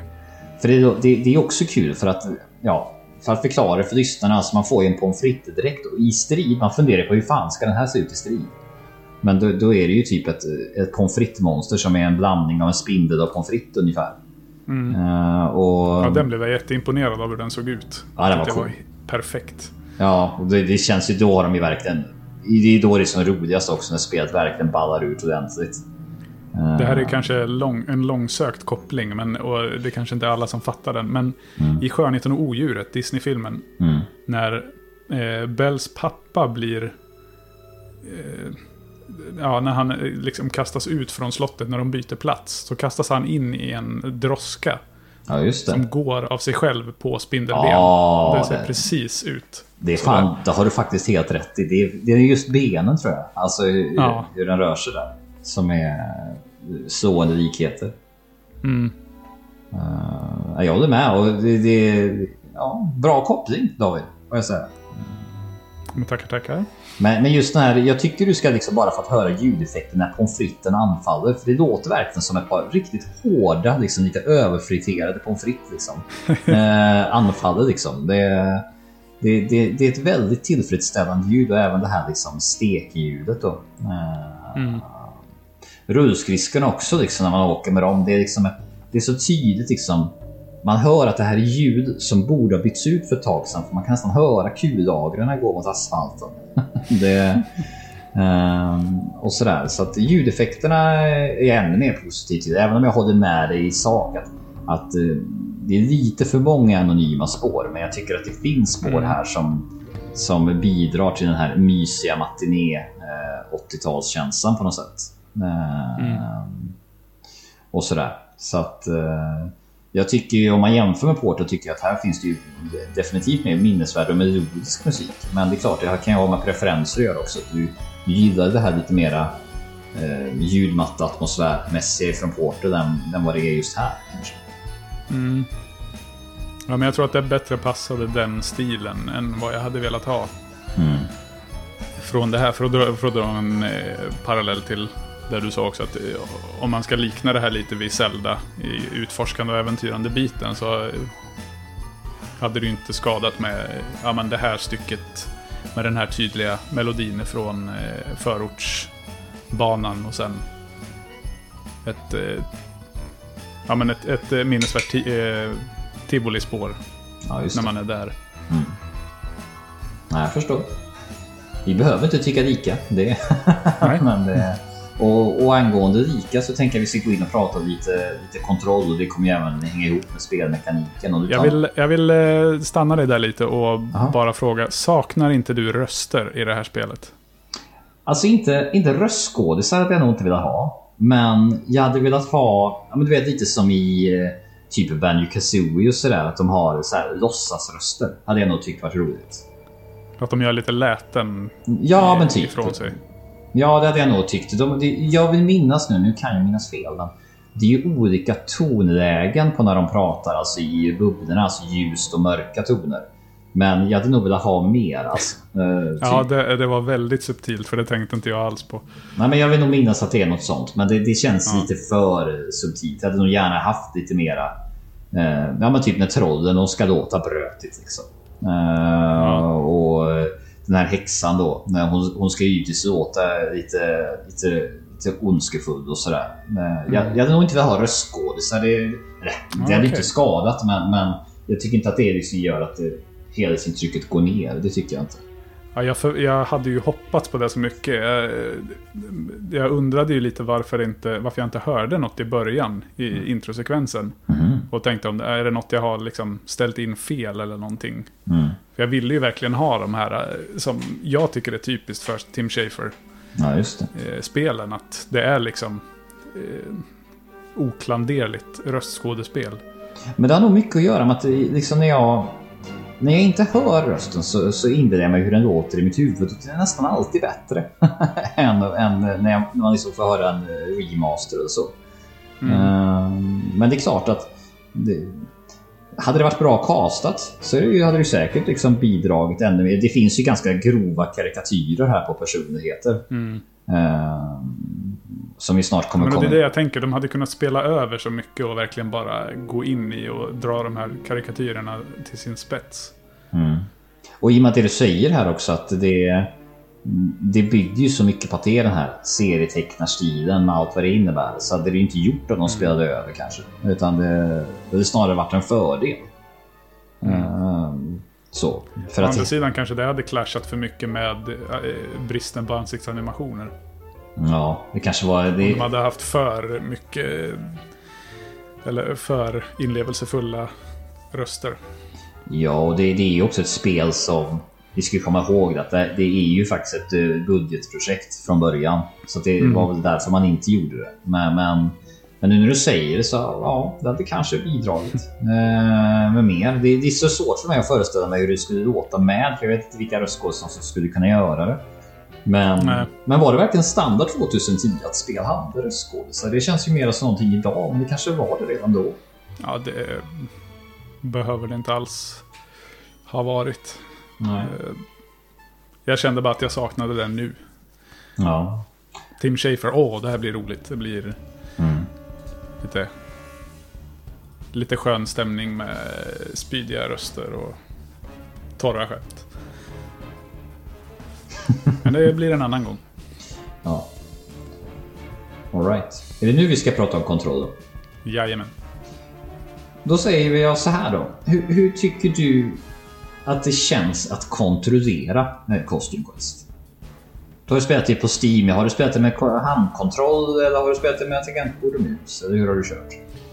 Jag körde mus och tangentbord. Mm. Um, jag brukar nästan alltid börja så när, när det är spel jag inte har testat innan. Eh, för att se om det funkar. I vissa fall så kan jag känna att eh, handkontroll gör sig mycket bättre om det till exempel är plattformsspel eller sådär. Då känns det mer naturligt. Ja. Och det här hade kanske också varit lite mer eh, följsamt med handkontroll. Men det var inte alls några problem att spela med mus tangentbord. Nej. Du, du, du har ju en intressant poäng där, för när vi pratar Portal så pratar vi lite grann om kontrollmetod. Mm. Um, och jag vill nog påstå, jag ska inte säga, alltså spelet är ju väldigt sällan beroende av timing. Det finns några tillfällen. Men, mm. men eh, du, du, kan ju liksom vara ganska så långsam i rörelsemönster så det gör ju inte så mycket att ha liksom, mus och tangentbord på det sättet. Uh, men jag är ju van att spela det med handkontroll och en grej jag tänkte på, det är ju att det här spelet rent kontroll... Jag ska inte säga att det är svårkontrollerat, för det ljuger jag För det är ju ganska simpelt i och med att du går på en overheadkarta och sen så har du liksom dina menyer i fighten och så. Men, men, men det här med rullskridskon. Alltså den är mycket mer svårkontrollerad än vad jag minns. Alltså det, det känns som att man, man får komma i väldigt stora bågar när man kör runt och att det är lätt att missa avfarter Aha, okay. och såna här grejer. Det, jag vet inte om det var någonting du, du tänker när man har boost-funktionen på? Ja, Eller precis. när man eh, åker snabbare med rullskridskorna? Ja, men du vet i slutet där, alltså när man eh, ska upp för den här backen innan man möter häxan Dorsilla. Eh, mm. Så ska man ju upp på ett par rapper som man knappt ser i det där mörkret. Ja, det... De åkte man in i. Ja. Eller, eller förbi snarare, bredvid. Ja, och det är liksom en sån dum vinkel också. Det för att se det på ett ordentligt sätt, jag. Um, så det var en sån här grej jag tänkte på. Fan, det, det var, liksom, det var lite svårare än, än jag minns. Mm. Um, men en annan sak som jag inbillar mig nu, det, och det kanske inte är så, men som jag, hade jag kört en mus och tangentbord så inbillar jag mig att striderna hade varit lite svårare för att det är ju inte bara att trycka på menyval.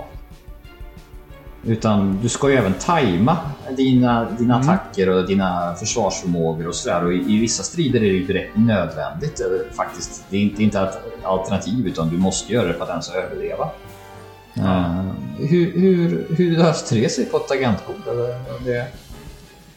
Där, där hade de i alla fall tänkt till känns det som. Vem, det nu är som portade det till PC eller om det var till Mm. PC från början. Mm. Eh, att eh, det var en tydlig, tydligt att eh, du styr med WASD-tangenterna.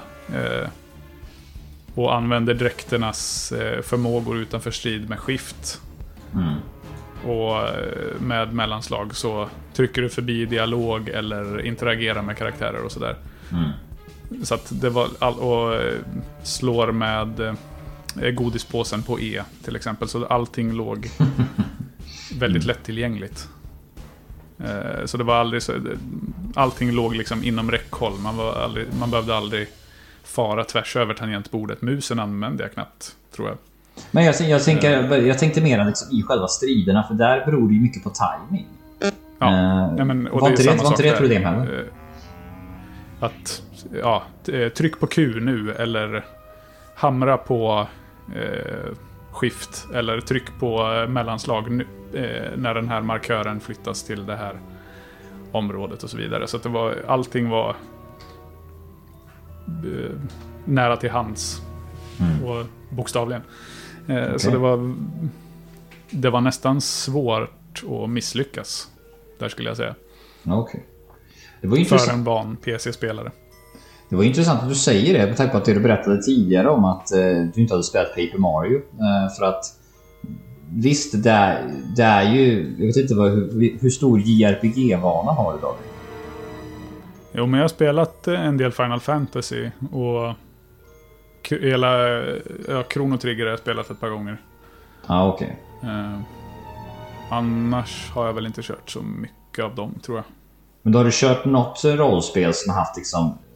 Ja, för, för att för de som inte förstår alltså. Du trycker på eh, liksom olika attacker eller försvarsförmågor eller andra typer av Mm. eh, rörelsemönster i en meny. Men där ett vanligt JRPG, ja, men nu har du valt din förmåga så får du se vad som händer. Det som händer här är ju att det dyker upp en mätare eller någonting annat som du ska trycka på i ett visst tajmat läge för att antingen utdela Mm. mer skada eller för att kunna försvara dig på olika sätt. Precis. Eh, hur, hur, har du varit, kört något tidigare spel? Eller var det här liksom din första liksom, upplevelse utav det? Det är, jag kan inte... Jag kan inte komma ihåg att det är något, alltså ett specifikt spel när jag gjort det, men konceptet kändes heller inte främmande. Det Nej. kändes som något som, ja men det här har jag gjort många gånger. Sen om det beror på att, det, att jag har gjort väldigt många quicktime events i spel eller att Alltså jag har vara. spelat fler sådana här JRPG, det får vara osagt. För just den här grejen är ju en ganska så tydlig USP i Paper Mario-serien. Alltså att man jobbar mycket Mm. med i striderna och så. Och, eh, det är ju samma sak här och det är I vissa fall så är det ju... Ja, om du miss, missar de här så kan du faktiskt råka riktigt dyrt till om man har otur. Eh, Mm. Nu är jag ju ganska van så jag löser det här relativt lätt får jag ju säga. Men det innebär att man måste vara aktiv i striderna. Du kan ju inte bara liksom välja en, en attack och sen är du nöjd. Utan du måste ju liksom... Nej, verkligen. Och den ändrar ju hela tiden knappkombinationer. Det är inte så att ah, ja, men det här är alltid den här knappen. Utan de Nej. ändrar ju hela tiden. Så man måste hela tiden... Ah, fan, nu ändrar de igen. Ja. Så han är verkligen aktiv får man ju säga. Mm. Ja, även om det hade varit samma knapp varje gång så hade du varit tvungen att trycka på den vid rätt tillfälle. Så man måste ju vara aktiv hela tiden. Absolut. Eh, Men du var ju lite inne på det här också med soptunnorna. Eh, Man samlar ju, istället för pengar så samlar man ihop godis i det här spelet. Mm. Eh, Det är fan bra tjatigt att gå runt och slå på brevlådor och sopkorgar alltså. Verkligen. Det är så många också. Ja, jag slutade med det ganska snabbt. Ja, det, det Jag insåg man får ju jättemycket från, eh, ja, från striderna och när man hittar sådana här skattkistor som ligger gömda och grejer. Så att jag sket i det till slut. Mm. Eh, Och, eller ibland låg det ju godisbitar på marken bara så man kunde gå Ja, över och då plockar man ju dem. Men Ja, alltså grejen att när jag spelade det här första gången så tog jag ju varenda jävla papperskorg. Eh, tills, tills jag liksom nu, nu inser att eh, liksom, ja, du får kanske en. Liksom. Men i en Ja. strid får du hur mycket som helst och då blir man så här, ja. Nu, nu på slutet, jag tror jag hade så här 5000 godisbitar liksom kvar när jag och det är ganska mycket. oj, Eh, då köpte du inga battle stamps. jo, jo, jag köpte alla. Uh, så, så, att uh, det var ju liksom sådär. Det, det, behövs liksom inte. Det är mest bara en kul grej när det är att ja men fan. Det här kan man ju gå och, jag hoppades att det skulle finnas en achievement för men det gjorde det inte. Mm. Ja, du kan ju få, I Steam kan du få en achievement om du har 4000 godisbitar samtidigt. Jaha, det fick fan inte jag. Det har jag, jag inget minne av. Det är konstigt. Jag ska kolla här. Uh, eller så, hade, så hade, eller så hade, måste jag haft under 4000. Det, för jag hade Men, jävligt mycket på slutet. Vad sa du? För jag hade väldigt många på slutet. Det, så jag mm. borde haft den. Jag brukar ju gå runt och slå på allt det där för det är liksom en ren vana. Men till och med nu kände jag att fan vad det här är tjatigt alltså. Att gå runt och slå på de här grejerna. Mm. Collect a total of over 4000 candies. Ja, ja då måste jag haft under det. Då, achievement som jag fick. Då tar jag tillbaka Så det är inte att du måste hålla i eh, eller ha liksom alla på en gång. Utan du ska samla på dig genom spelets gång. Ja, men då måste jag fått den. För att det är, ja. för det I och med att jag köpte alla psykofon. Så det är bara att jag har missat det. Ja. Uh, av någon anledning. Men, men utöver det, vad, vad, liksom, vad tycker du om, om kontroll? Vi har ju liksom varit inne lite på det. Jag tycker att det är lite smågridigt och sådär. Och, och, mm. och sådär mot vad jag minns det. Har du något annat du känner kring kontrollen som du, tycker var bra eller mindre bra? Nej, alltså det... Det mesta, det är ju ingenting, jag störde mig faktiskt inte så mycket på själva styrningen så, att man skulle mm. pricka rätt när man åkte på rullskridskorna eller något sånt där. Det var inte någon större fara. Mm. Och det mesta kändes naturligt. Det var bara någon gång när jag insåg att jaha, man kan fly från strider. Ja, just det. Och då fick jag, eller ja, då, rent intuitivt så testade jag med R då. Eh, för run. Och det var ju den. Ja, just det. eh, men det var ju ingenting som jag fick berättat för mig. Så det fick jag ju bara... Gissa. Eh, ja. Och då började jag undra, hmm, finns det fler grejer som jag inte har fått reda på. Finns det en item-knapp till exempel? För det väntade jag mig ju lite när jag, satt in, eller när jag mm. hade spelat ett tag. Att man skulle få föremål som man kunde använda i strider och så. Men mm. det ska man ju inte. Alltså, jag har förstått det rätt. Alltså, jag, tänker lite nu när du pratar om liksom knappar. Alltså, nu körde jag ju med handkontroll igen. Men då vill jag säga att mm. spelet berättar för en. Alltså någonstans att eh, det räcker att hålla inne triggerknapparna så kan du fly. Uh, så okay. att, uh, ja, men det hade ju handkontroll i vanlig ordning så det kan ju vara därför. Mm. Ehm, men jag tänkte på en grej nu när du pratade om striden. Här att det är jävligt tjatigt att när man har gjort ett val. Alltså det blir ju så att du gör ett val för en karaktär. Du kör ju liksom inte hela rundan. Utan du kör ju liksom Nej. en karaktär, slag. En karaktär, slag och så vidare. Mm. Um, ibland kan man känna att fan, det där var inte det valet jag ville göra. Det där vill jag ångra. Eh, men det kan man inte alltid ja, göra. Eh, och det kan vara lite surt när man har liksom valt precis fel. Uh, mot mm. vad man har tänkt sig. Och så. Nu, det är ju inte jättemånga alternativ i de här fighterna om man jämför med vanlig JRP. Men, men, men det kan vara lite sådär, ja men vad fan. Varför finns det inte en cancel Brukar man kunna göra det i andra spel? Ja men alltså... Backa på sina val? Ja, så jag vill minnas att vissa Final Fantasy-spel att du liksom... Om jag har liksom gjort två av mina val för för två gubbar så kan jag på tredje, nej fan jag ändrar det här, jag tar om de här tre valen så kan jag göra det. Det, det går ju en klocka oftast i bakgrunden. Eh, så att det, jag mm. straffas ju av att jag inte är beslutsam. Eh, och så, så man vill ju göra snabba val liksom. Men, eh, men det, det är lite så. Lite, lite småmäckigt här tycker jag. Det, det blir så absolut när du har tagit de här besluten. Mm. Och jag hade gärna sett att uh, man har chansen att ångra dem. Att det inte bara är nej, sätt inte igång animationen. Nej, för fan. Skärpning. Ja, just det. Uh, nu som sagt, spelet är ju inte jättesvårt. Vi kommer ju komma in på det. Men, men, ja. men just den där biten hade gjort det spelet lite mer quality of life skulle man väl kunna säga. Mm. Så. Men annars har jag inte så mycket mer synpunkter på kontrollen. Nej, jag känner mig klar där också. Vad bra. För nu kommer vi in till den delen som jag gissar på att du och jag tycker är kul och det är ju spelmekaniken. Alltså hur du faktiskt spelar Costume Quest. Mm. Och du har ju varit inne och pratat lite grann om, om JRPG och din vana av det, så det ska vi inte prata så mycket om nu.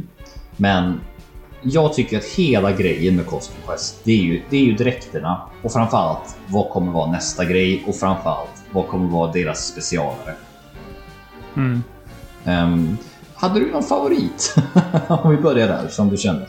Det här är min. favoritdräkt? Som du alltid hade? Alltså jag gillade ju rent estetiskt och hur det såg ut och förde sig. Då är det ju lätt eh, pommes fritesen. Pommes frites-dräkten. ja, den är fin alltså. Eh, sen... Eh, nu eh, ber jag om ursäkt här. Jag försöker eh, ninja-skriva på Messenger. Det ska jag inte göra. Mm. Eh, ja. Eh, annars körde jag med den här... Eh, vad är det för något? En Gundam-robot. Ja, just det. Den första dräkten man har. Mm. Eh, någon slags transformer, typ. Mm, ja, just det. Genom, det var liksom... Jag, jag fäste mig vid den rätt fort. Den är rätt effektiv också.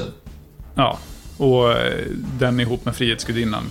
Och sen eh, spelade det inte så stor roll vilken tredje dräkt Nej. Man hade. Men annars så var det ju de jag tyckte bäst om. Och eh, det var ju skönt att ha robotdräkten också för då kunde man åka rullskridskor mellan ställena. Man gick ju så himla långsamt annars. Ja, herregud. Det går ju knappt att ta sig fram. om du Nej. inte har dem. Liksom. Det det alla dräkter måste du inte ta heller. Utan eh, Nej, nej. många dräkter kan du ju faktiskt hoppa över. Mm. Jag vill säga att till exempel eh, pumpadräkten måste du inte ta. Nej. till exempel. Det, så det är ju ett antal, jag vill inte säga att det är tio dräkter, men det är ju det är ju liksom dräkter som är baserat på eh, kända sagoväsen eller grejer som man tyckte var coolt när man var åtta. Liksom. Mm. Eh, Det är ju Det är liksom... någon eh, astronaut eller någon ja, typ rymd, Mm, rymdgubbe med lasersvärd och ja, just det. Ninja. Ja. och det är kul också att alla de här, eller inte alla, men väldigt många av dem har ju liksom... Det är, det är ju en dräkt som i sin tur gör balla grejer i striderna, men de har ju också en funktion utanför striderna också. Mm. Eh, till exempel den här astronauten du pratar om, man kommer ju in i köpcentrum då är det lite för mörkt. Men då får du ett lasersvärd så du kan lysa upp eller, eller en ninjadräkt så du kan smyga förbi fiender och sådana här saker. Ja. Eller riddaren så du kan lyfta upp ditt soplocks, Ja, just din soplockssköld och gå eh, under vattenfall och sådär. Ja, just det. Apropå det, hur charmigt är det inte att liksom, när du går runt på den vanliga overheadkartan, det är ju liksom ungar som har klätt ut sig i fula dräkter med soplock och wellpapp och sen så blir det liksom till liv. Det tycker jag är liksom så här stört charmig grej.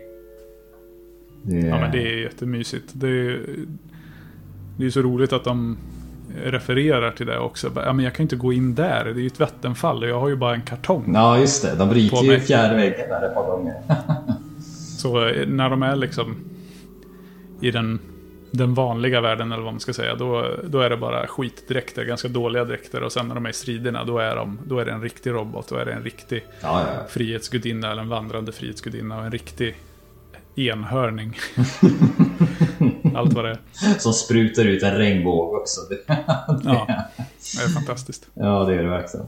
Och um, det, det, det är också den, liksom, du är ju inne lite grann och touchar på det nu David, just det här, den här liksom självmedvetenheten som spelet har. Liksom att Alla vuxna, de fattar, ingen fattar ju vad det är som händer. Eh, utan det är ju bara kidsen som fattar någonting. Eh, det är som en snällare variant på Stranger Things känns det som. Eh, Ja, men faktiskt. Mycket mer barnvänlig ja, precis. variant.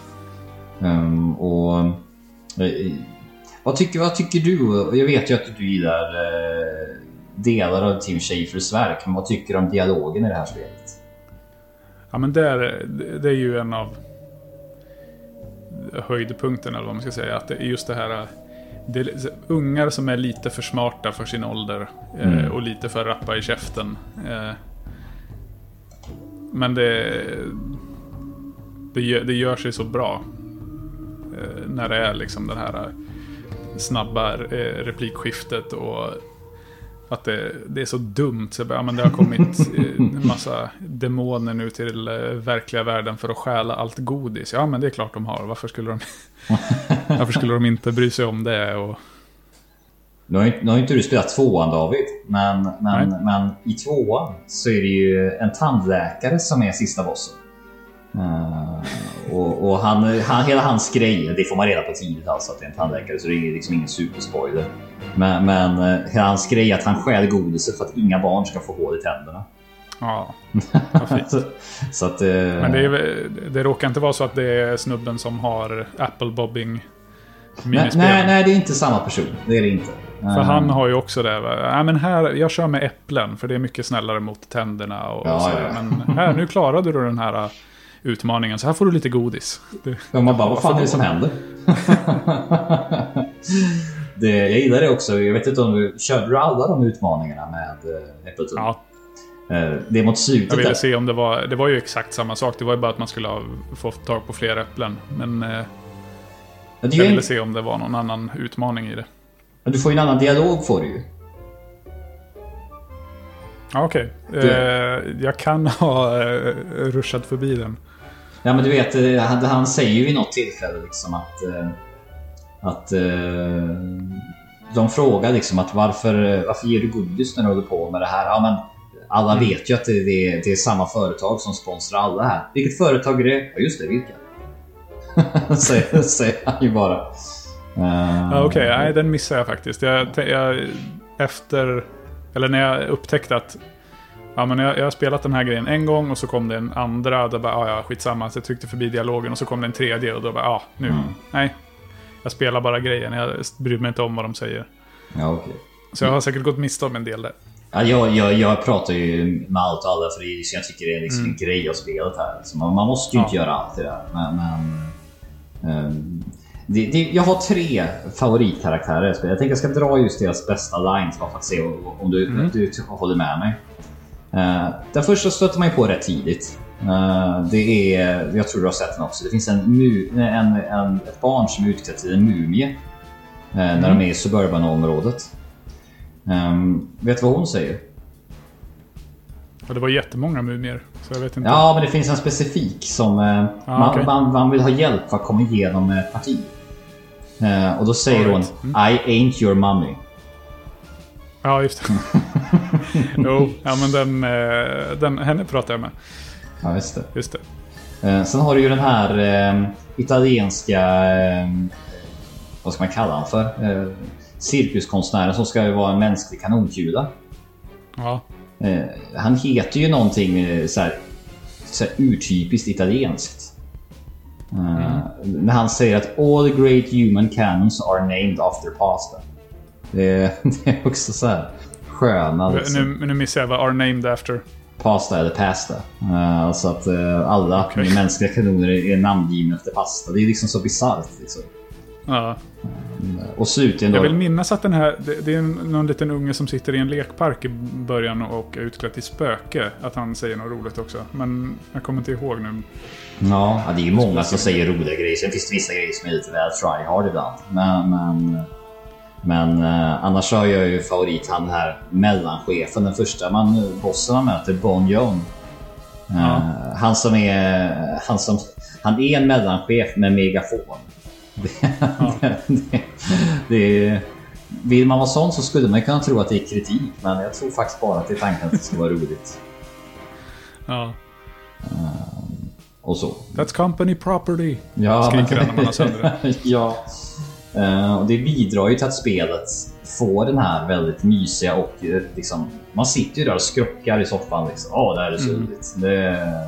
Sen finns det ju saker som vi redan varit inne på som känns ah, men, mm, ett varv för mycket liksom. Eh, Mm. Men det blir ju så när man skriver på det här sättet liksom. Eh, Ja. det, det är alltid någonting som känns, nej, det här var inte så skoj liksom. Eh, och sådär. Men jag tycker att det är en stor del av behållningen i spelet. Helt klart. Mm. Ehm, jag har en grej till. Jag vill prata om stridssystemet bara. Ehm, Ja, absolut. det är några grejer med det här spelet som jag tycker är... Jag vet inte om jag ska kalla det att det är kritik eller om det är en fördel. Men jag- vill nog luta mer åt det sistnämnda. Det är att till att börja med är det inga random encounters här. Utan du går, Nej, nej, precis. du går ju runt där och du ser ju liksom... Du, du var ju inne på det lite tidigare här att de flesta fienderna måste du knacka på. Med ett hus eller en affär och så. Det är ju ett kul sätt att göra det på för att möta monster tycker jag. Mm. Ehm, vilket gör att man sällan går in i en strid utan att vara förberedd. Ehm, Men också den här att du behöver aldrig hila mellan varje fight utan du är alltid full eh, helad så att Ja, säga. för 17 vad skönt det var. Ja visst var Det det. hade jag blivit jätteirriterad på. Ja, det, är, det är just det man tänker. Man är, så, man är ju så skadad i den här genren. Att man är liksom, ja, hur ser min HP ut? Nej, fan, nu fick jag en strid här. Framförallt om det är random då förstås. Eh, att du går in... Nej, det var ett jättebra val. Ja. Det, det är också samtidigt någonting som gör att inventory-system blir ju totalt oviktigt. Eh, Ja. Och det blir ju väldigt... Det fick ju spelet kritik för när det kom också. Att eh, stridssystemet är eh, förvisso bekvämt men lite för grunt. Eh, Mm. och så. Eh, och det är ju någonting de sa att de skulle jobba på till tvåan. Eh, vilket jag väl inte riktigt håller med om, men det är en annan sak. Men, men det är liksom blandat kompott här. Alltså man förstår ju att spelets styrkor ligger inte i stridssystemet egentligen. Så jag vill nog mera ge mer tummar upp än vad jag ger till negativt i alla fall. Mm. Ja, Men- men det blir ju... Det blir ju... Det jag tycker är lite synd är ju att det blir... Alltså striderna ser ju inte jätteolika ut. Nej. Eh, Det är ju ofta samma eh, grej. Genom hela, man kör ett par runder med vanliga attacker och nöter ner fienderna och sen kan man göra sin specialförmåga, då gör man den. Och ibland så möter man någon form av healer som eh, ger tillbaka HP till eh, sig själv eller sina kamrater och då får man slå lite till. Mm. Nej men jag håller med dig. Alltså striderna i det här spelet känns efter ett tag, framförallt nu när jag spelar det för fjärde gången, eh, känns ju lite grann som ett sätt att fylla ut speltiden på. ja, Eh, för att det är... Striderna är oftast inte svårare än att så så, specialare, så så, okej lite healing, så så. Eh, det är ju all, det är nästan aldrig mer intrikat än så. Eh, bortsett från den näst sista bossen. Där känns det som att... Dorsilla. Precis, för då, eh, då, då mixar den upp. Och det, för att vara ett JRPG är det ju givetvis inte speciellt avancerat det som händer. Men för att vara Costume Quest så bryter det lite grann mot alla andra strider. Eh, och det är ju att hon, man måste ju, till att börja med så gör hon ju sig själv till tre olika kopior som man inte vet vilka man ska slå, vilket i sig bryter mot det tidigare. Men också det här att man, eh, man får göra någon stannattack på henne för att hon ska eh, inte göra sin värstingattack. Mm. Och just det här med att jobba med statusmagier utöver HP, det är liksom behöver man ju knappt göra fram till den här punkten. Nej, verkligen. Um, Så det är mera sånt man hade velat se, för annars är ju striderna i princip likadana oavsett om du möter en boss eller inte. Bara att det är mer HP liksom. Ja, men exakt. Ja, men det, är det är väl lite... Det tyckte jag var lite irriterande samtidigt. Men det hade väl kanske varit mindre irriterande om de hade haft eh, statusmagierna mer genom spelet. Att jag, var tv- där var jag, jag var kanske inte tvungen, men det blev mycket enklare om man bytte direkt. Och gick Ja, in med pommes frites-dräkten så man kunde använda sin stun-förmåga. Ja, just det. Det var så det Eh, gjorde alltså. Mm. Ja, för då hon gör någon eh, magi som hon måste använda x antal turer för att Mm. eh, få till och då kan man stanna henne under tiden och då avbryts den. Exakt. Eh, annars så fortsatte hon ju bara och sen dödade hon den, eh, den som hon siktade på i ett slag. Så eh, Mm. första gången klarade jag det inte för att hon hade, hon hade ner alla, alla Ja. mina medlemmar. Ska man vara lite elak mot spelet så kan man ju säga att det var den bossstriden känns som typ en, en av de tidiga bossstriderna jag valfritt Final Fantasy. lite så. Ja. Det, Ja men verkligen. och det, det känns ju som att alla andra strider är ju alldeles för lätta och alldeles för enkelspåriga. Ehm, och det är dumt då Ja, när... men för det är ju, de jobbar ju mycket med att man ska byta dräkter emellan striderna. Alltså Ja, det gör de ju. i där man, när man ska ta sig igenom de olika miljöerna och så. Eh, men inte så mycket, ja, inte någonting alls kanske, i att man ska byta dräkter i för att få det att funka bättre i striderna. Nej, verkligen. Och, För jag testade ju alltid alla dräkter jag fick. Och så, ja men den här gjorde så, den här, den här hade en stannmagi, här healade jag. Och, så, men sen bytte jag alltid tillbaka ändå till ja, eh, då hade jag den här roboten, jag hade Frihetsgudinnan och jag tror i slutet att det blev enhörningen. Ja, jag växlade lite mellan enhörningen och eh, rymdsnubben. Ja, Det är lite som att... eh, För det kändes lite som att, nu vet inte jag hur mycket Pokémon du har spelat. Jo, men jag har spelat en del Pokémon. Ja, Lite som att man eh, har sitt lag och så måste man ta in en Pokémon som kan eh, en speciell förmåga. Att man, som man ska kunna slå, i, eller slå sönder en sten som ligger i vägen eller någonting. Mm. Då måste jag ta in den i mitt lag och förstöra min lineup. Eh, Ha sönder den här stenen och sen gå vidare. Och så, ja men, ja men nu byter jag tillbaka för nu har jag gått förbi det här. Så att jag får ha mitt liksom, grundlag. Det var lite så jag kände Ja, okej. med det här. Ja, men det blir ju lite så. Alltså det, det, det, och det är ju... Alltså, jag tror så här att... Jag tror absolut att striderna eh, var en del av planeringen från början. Men jag tror Mm. syftet var snarare att kolla här vilken cool dräkt du fick. Eh, Snarare än att nu ska vi göra intressanta fighter. Eh, för de är ju inte så intressanta efter ett tag. Eh, och efter en stund så känner man ju att du spenderar ju åtminstone halva din tid med de här striderna. Eh, Då känner man ju att fan, lite tradigt är det allt alltså. Eh, Så det, det var ju därför jag frågade dig inför idag vad du tyckte om sista bossen. För att den är ju en, det är ju en kattmat i jämförelse med den näst sista till exempel. Ja, verkligen. Där blev jag lite paff. Jag bara, jaha, vad...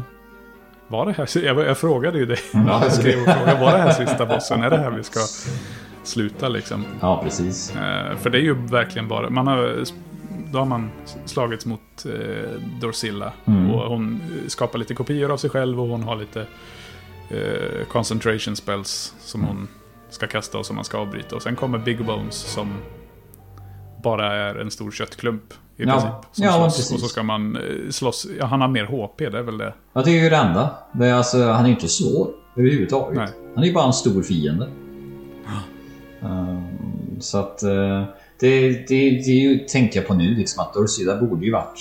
Om man nu ska ha haft den här svårighetsgraden så skulle ju hon varit uh, slutbossen.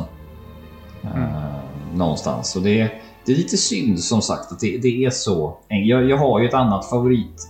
Det som jag alltid pratar om när jag pratar om mitt favoritrollspel, det är ju alltid Chrono Trigger jag kommer tillbaka till. Eh, och det är ju för att jag tycker att det spelet, nästan varenda strid känns kul. Eh, för att det känns alltid som att eh, det är annorlunda sätt man ska göra det på nya taktiker och du måste vara väldigt varierad. Sa du Chrono Trigger? Ja, Chrono Trigger. Ja. Eh, man måste alltid vara så varierad liksom, i hur man tänker och hur man tar sig an varje fight och, och sådär. Och du, du, när du tror Ja, att du har koll på skiten så har du inte koll. och sådär. Det, det, och sådär. Så det, det, det är synd, det, för att Chrono Trigger är ju på ett sätt också ett relativt sett lättsamt eh, JRPG. Eh, och jag hade nog gärna sett en sån lösning att man hade lagt ner lite mer tid på att göra striderna lite mer varierade. Eh, För de är inte sådär... Men det Nej, känns ju som att det nu, också är men- en eh, följd av att det är eh, låg budget. Ja, och det är frågan, ska man förlåta det för de det? har liksom... Vad var det jag tänkte på? Jo, men när man har dödat Big Bones. Mm. Så då tar slutsekvensen, vad kan den vara? En minut lång max. Ja, visst. Det är bara, ja men nu dog han, nu är allt väl, nu åker barnen hem och så sitter de och delar upp sitt godis och allt är frid och fröjd. Mm. Att det, det, det var lite så, ja men nu har vi gjort liksom... Det här var det vi kunde göra, nu måste vi runda av det. Mm. Nu eh, knyter vi en rosett på det här och så skickar vi ut det sen. Att det var lite, lite kanske tidspress också. Säkert. Det... Ja, det det är lite synd, tycker jag. Ehm, Att det är, så, det är så påtagligt nu när jag var tvungen att titta på det på ett annat sätt. Att de här striderna är ju inte så kul. De är inte svåra heller. Det är liksom varken svårt eller kul. Det är bara att ta tid. Ehm, Och som sagt, det är kul att man byter direkt så pass ofta som man gör. För det gör ju att man liksom, åh, nu kommer konfliktdräkten, undrar vad den gör. Åh, nu kommer pumpadräkten, undrar vad den gör och så vidare. Ehm, Men det blir lite sådär trist, tycker jag. Det är samma Jag undrar sak. om inte pumpadräkten var en coolare kanske, än pommes fritesen i strid. Ja, Det var ju lite Nightmare before ett Christmas. brinnande va? skelett med en pumpa på huvudet. Mm. Ja, den är ju lite obehaglig, hur den ser ut om man jämför med de andra.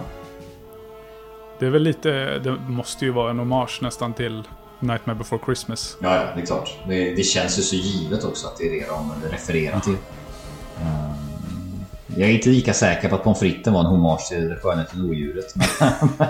Nej, det, det kommer jag hävda. Det kommer jag hävda tills jag dör. Men apropå det här med variationen. Det är lite samma sak med uppdragen David. Alltså, vissa ja. av uppdragen känns som att, ja men du vet Super Mario 64 så ja, men röda mynt ska du ha, 100 gudar, vanliga mynt ska du ha. Det blir lite samma sak här också. Bortsett från vissa uppdrag givetvis. Så, mm. men, eh, men mycket känns ju sådär, jaha, men det här var ju typ samma som på den förra kartan. Knacka dörr, leta efter barn som har, eller, vad heter det, kurragömma. Mm. Ja, just det. Eh, apple bobbing. Mm. Jag vet inte vad det heter på svenska. Så, Gör kidsen sånt? Äpple ur balja. ja. Eh, och det kanske är något mer. Jo men, det, jo, men det är ofta någon unge som står och vill ha ett sånt här samlarkort. Mm. Eh, som man ska ha någon dubblett av. Mm. Men det är ju de grejerna som återkommer. Vad var ditt favorituppdrag då? Jag gillade ju Apple-bobbingen ändå. Även fast den var ganska enformig. Mm. Men... Mm. Det, liksom, det, var ju kul att det fanns den typen av minispel ändå. Så att det bröt av det. Det var inte bara strider hela tiden. Mm. Och leta efter eh, dräktbitarna, eller de olika komponenterna av mm. dräkterna. Man kan hitta eh, vad det nu är för någonting. Eh, folie och rullskridskor. Ja, det är allt möjligt. Toalettrullar Man kan bygga ihop sin robotdräkt eller... Mm. Ja. Allt vad det är. Ja. Jag har ju sagt det förut, men jag tycker fortfarande att uppdraget när man ska locka barnen med pommes frites är hysteriskt kul. Uh, mest för att det är liksom man har liksom vant sig vid att ja, men det är en astronaut och det är en meckarobot och det är en frihetsgud. Ja, man, man, har liksom, man tror man har koll på sin skit. Uh, och så dyker den här pommes frites-dräkten upp från ingenstans. Mm. Uh, då blir man bara okej, okay, nu förstår jag. Och det blir mer spaceat i tvåan faktiskt än vad det är i ettan här. Men, uh, men totalt sett ett sämre spel. Men är tvåan lite deras blev, blev det spelet som de hade velat göra med ettan, tror du? Eller? Alltså det är, ju, det, det, det, är, det är mer påkostat, det märker man ju. Och man märker också att det är att de har haft liksom mer liksom, det, I och med att ettan gick så bra så fattar de ju att fan, det här ska vi nog lägga tid på. Liksom. Mm. Uh, problemet uh, tycker jag det var att man försökte göra samma grej fast bara lite snyggare och lite, mer, lite, lite andra dräkter. Och jag såg ju en potential i det här att istället för att ha tre olika kartor hade det inte varit coolt om de gjorde typ ja, men, som jag Link to the Past. Liksom, att man gör en stor värld liksom, med olika liksom, delar och allting är liksom sammankopplat. Mm. Uh, det hade jag ju tyckt varit häftigt liksom. Men, uh, ja, för det är, det är linjärt på samma sätt där. Mm. Att, att du har ett område i taget? Eller? Ja, ja precis. Du tar liksom en karta, en karta. Du kan ju gå tillbaka ja. mellan kartorna ifall du har missat saker. Men det är sällan så ja, att det. det är liksom... Det är inte som i till exempel Zelda. Att du, du, det finns ett område du inte kan nå. Du måste tillbaka dit sen. Utan det är liksom allting mm. är valbart. Um, så att mer backtracking skulle jag nog vilja haft. Och, och mera liksom... Ja, för det var väl de här sarkofagerna? Ja, precis. Man kunde hoppa tillbaka i, ja. eh, till de tidigare områdena. Och det måste du ju inte ens göra. Det, Nej. det är ju fullständigt. Jag, jag gjorde inte det. Jag tror jag hade gjort allting jag kunde. Mm. Ja, För det... det... gjorde jag ändå. Jag såg ändå till att liksom klara alla uppdrag och hitta alla gömda ungar. Och eh, köpa alla battle stamps och sånt där. Det tyckte jag i och för sig var en ganska skön... Eh, någonting som gjorde striderna lite mer mm. intressanta. Absolut. Det är ju en del Att man kunde ge, ja men du har större chans till critical damage eller du har, ja vad var det? Du har en, en större chans att undvika inkommande attacker och så. Du kan stanna och så vidare. Och det, ja. det, gillar du det så kommer du få ett nysmäte i Paper Mario men det finns säkert anledningar att återkomma. Eh, serien, för den håller jag också yes. ganska högt. Um, Jag skulle gärna vilja prata lite hållbarhet, men jag vet inte om du har någonting mer kvar på spelmekaniken du gärna vill prata vidare om? Nej, vi kan nog gå vidare. Vi har ju varit inne och pratat om hållbarhet här. Men jag antar mm. att du tycker precis som jag att det här är ett väldigt lätt spel. Det är det. Det är absolut inte svårt. Nej. Det... Har du tid så kommer du klara det. Så, och, och har något sånär en grundläggande liksom, eh, strategiförmåga liksom, så, mm. så kommer du att lösa det. Jag har skrivit här att det är, det är ett perfekt nybörjare-JRPG. Alltså så. Mm. För att förstå konceptet, hur, det liksom, hur funkar japanska rollspel, hur är de uppe? Det är liksom, I och med att inte striderna fortlöper utan du kan, ju, du kan ju stå still och vänta med att göra ditt val i en kvart om du vill. Eh, och ingenting händer. Ja, det är så. Jag, jag, jag var alltid så snabb på. Jag bara, attackera, nu måste jag Nej, måste fort iväg med min specialförmåga och sådär. Så jag stannar aldrig upp på det sättet i striden. Och Nej, det är väldigt, väldigt snällt på det sättet. Du, du måste verkligen inte liksom eh, snabba dig på. Utan eh, du kan vänta hur länge som helst eh, innan du mm. trycker på ditt kommando. Och det gör ju att det blir liksom ett lätt spel. Eh, mm. Och så, ja, För när man dör, då blir man ju heller inte... Det är ju bara att du får börja om va, precis innan. Ja, exakt. Det... Striden där du förlorade. Inte där du sparade liksom, utan, utan, utan precis där du var. Verkligen. Mm. Uh, jag tror inte heller att du straffas för om du flyger från en strid, att du förlorar ditt fokus eller så. Det tror jag inte heller. Uh... Nej. Jag tror inte, eller det står ju att det, det dyker upp den här texten 'defeated' och så eh, springer mm. man iväg. Men jag tror inte att man, att det händer något mer. Nej. Så. Och det är lite synd och det finns ju inte så mycket omspelningsvärde heller egentligen. För att man tvingas ju nästan att klara allting på varje karta. Mm. Eh, så det finns ju inte jättemycket kvar om man då inte vill spela DLC-erna och, och, eller tvåan eller så. Mm. Så att det det blir lite sådär. Eh, när jag spelar om det idag så är det ju bara för att liksom mysa ner mig med, eh, med det här spelet och läsa den roliga dialogen och, och skratta åt eh, Thunder Eagle specialaren. Mm. Eh, det är liksom det som är grejen. Nostalgiglasögonen på. Ja, men också lite mysighetsgrej för att jag kan spela så tycker jag att det är ganska så eh, liksom det, det, det, är som vissa filmer man ser om liksom vid ljud eller sådär. Att man känner att ja, men okej, mm. jag, jag kan det här utan och innan till men det är bara liksom ja. Eh, comfort food på något sätt. Uh, och för mig kom den i rätt läge där jag var så trött på liksom alla realistiska spel som fanns och sådär och kände att jag ville ha någonting annat. Mm. Uh, och det här spelet bygger ju liksom de facto på en, någon slags barnslig fantasi. Uh, att, ja, men det gör, och den biten gör det ju bra. Att det, det är ju liksom...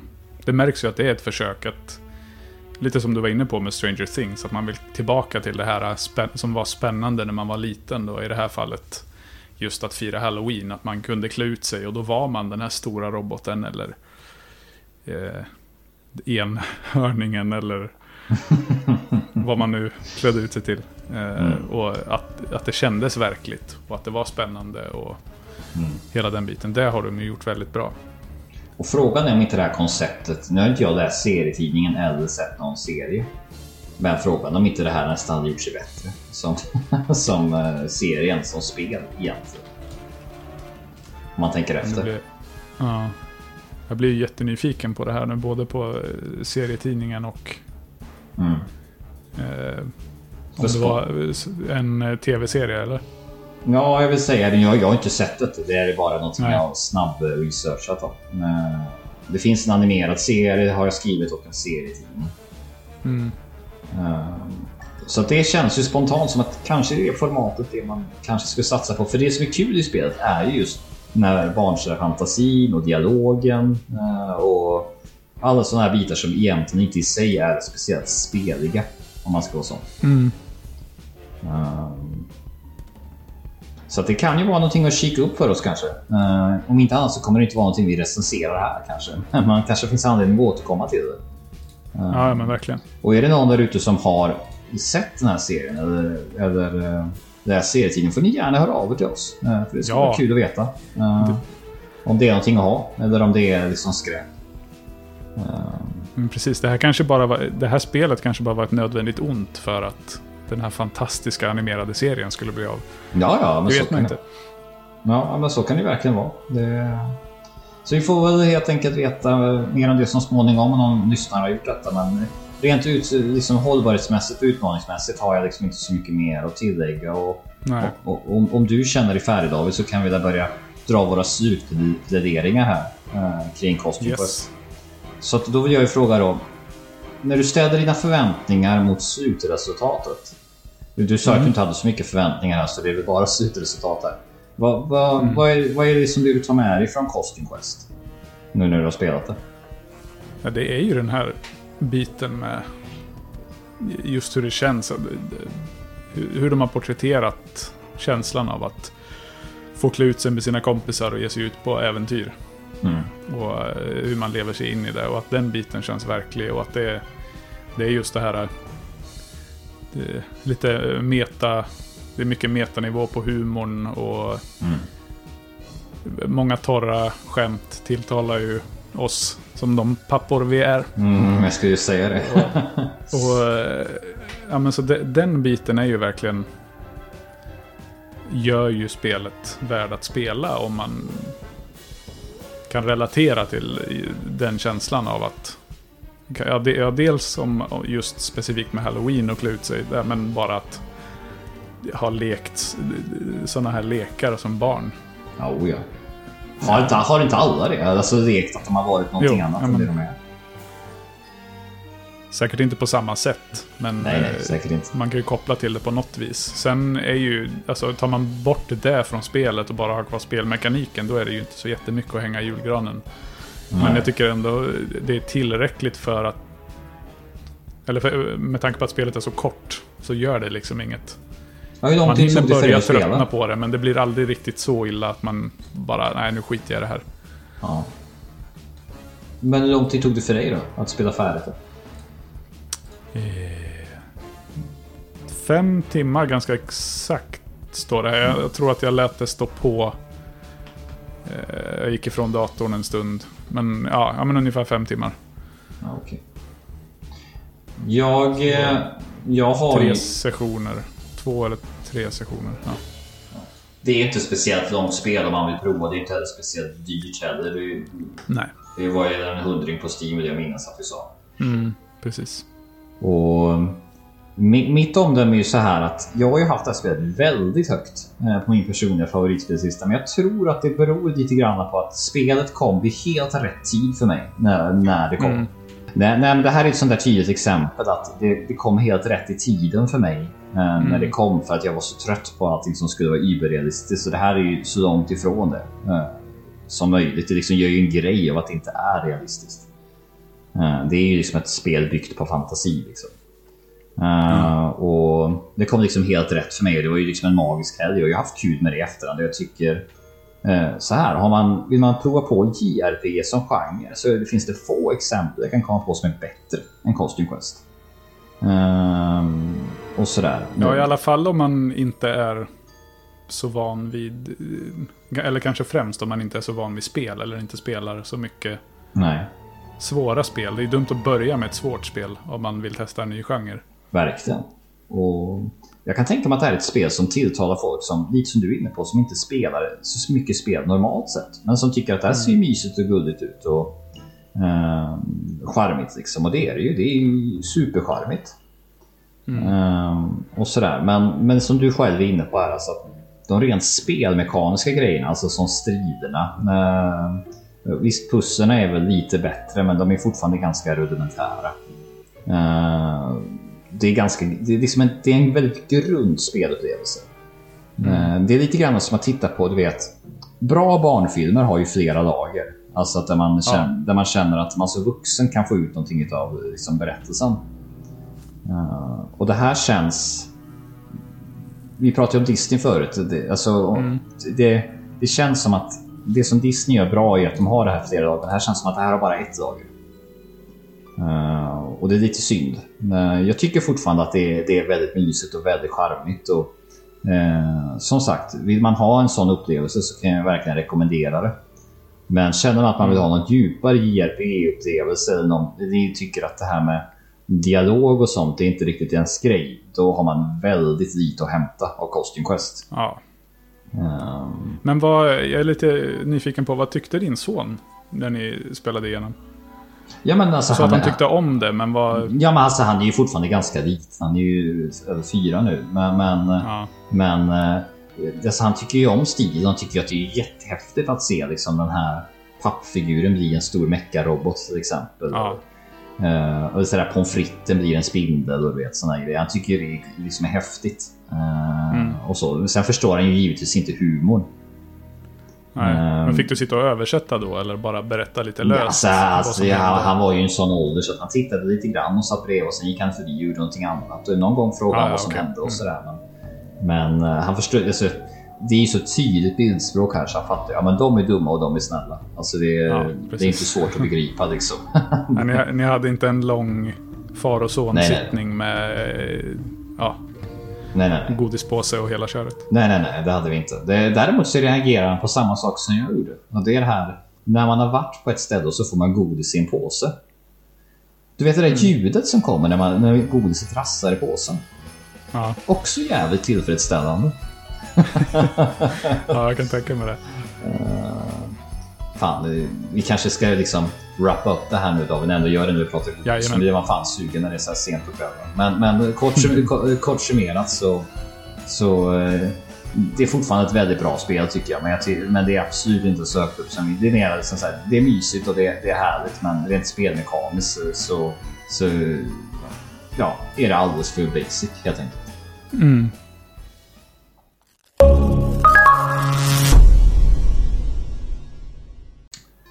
Och med det sagt så kanske vi ska prata lite grann om spelet vi ska spela till nästa gång istället. Jajamän. Um, För att det är ju som så att vi har ju pratat om Double Fine och lite grann om Tim Schafer idag. Du har ju småhintat lite grann eh, i programmet vad det är vi ska prata om nästa gång David. Jajamän, för den som har varit lite uppmärksam. Exakt. Så då är min fråga då, vad är det vi ska spela till nästa gång? Nästa gång ska vi spela The Curse of Monkey Island. Det tredje spelet i Tim Schafer och eh, Ron Gilberts, Gilbert, Gilbert, hur man nu uttalar det, deras eh, serie om den beryktade apön. Just det. PK äventyrs eh, klickgenren kan man väl säga. Vad töntigt det lät på svenska. Apön. ja, det lät faktiskt skitsändigt. men, men, eh, men eh, jag har ju spelat eh, både ettan och tvåan av varma minnen, men jag har aldrig spelat trean. Så det här Mm. är ju ett bra tillfälle för du har ju spelat det här givetvis. Precis. Och det här är ju faktiskt det första spelet jag eh, testade i den här serien. Åh, oh, intressant. Och det jag tycker mest om skulle jag väl säga också. Så det, det, ju, det gör sig ju så himla bra att du inte har spelat det. Och då kan vi ju ta upp det här i podden. Ja, men verkligen. Det passar ju bra för det är väl dessutom i år som det är 30-årsjubileum för serien.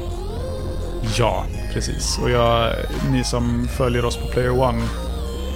Eh, jag hade ju för avsikt att till det här jubileet hinna spela igenom hela serien och ha en hel uppsjö med eh, matiga texter eh, att läsa. Men jag total failade ju på den punkten i och med att jag dels inte hann spela igenom alla spelen och sen inte kom på ett skit att skriva. Nej, just det. Så vi får se, ni får se nästa avsnitt som en gottgörelse. Ja, det, det finns säkert goda anledningar att prata om Monkey Island i stort också. Och inte bara Ja. Curse of Monkey Island. Så, Nej, precis. mm, det här spelet eh, går att få tag på på... Jag kommer spela det på Steam. Eh, Mm. Kostar ja, precis under 6 euro, så det är inte dyrt. Uh, vill säga att det finns till Mac också. Det är i alla fall vad jag har läst. Det gör. Eh, så du får ju rätta mig om jag har fel. Ja, men det kan mycket väl stämma. Eh, Jag vet inte om det finns även till andra plattformar. Om det finns till handhållet. Alltså, eh, Ja, det är inte vad jag har läst mig till i alla fall. Men eh, jag låter det, Nej. vi låter det vara osagt helt enkelt. Vi vet att det, Steam finns det i alla fall. Punkt. men... eh, men det är ju ett peka-klicka-spel så det ska ju spelas på en dator. eh, Ja. Egentligen. det hade varit kul om jag spelade med handkontroll nästa vecka. Eller nästa avsnitt. kan du inte göra det? Bara så vi får se om det går. Ja, det borde ju gå. Jag ska kolla det. Jag ska skriva upp det här. Så Yes. ska jag kolla om det funkar. Men, men, ehm, men ehm, vi ser jättegärna att våra lyssnare är med oss och, och pratar om Monkey Island i stort, men kanske framförallt Curse of Monkey Island eh, specifikt. Ehm, Så har man några min- Monkey Island-minnen eller specifikt The Curse of Monkey Island så kan man höra av sig till oss. Och det gör man eh, antingen på e-post som är nyttspelplus gmail.com eller några av våra andra kontaktvägar. Du har ju startat lite sociala medier här David. Ja, men precis. Eh, vi har eh, även på Instagram och Facebook eh, med exakt samma namn, Nytt Spel Plus. Eh, där kommer jag kommer lägga ut när det är dags för nytt avsnitt och när det är deadline på att skicka in kommentarer inför ett nytt avsnitt. Och lite sådana där uppdateringar som... Ja, så att ni kan hänga med helt enkelt. Och, ja, ni får jättegärna skicka in kommentarer på eh, alla möjliga ställen.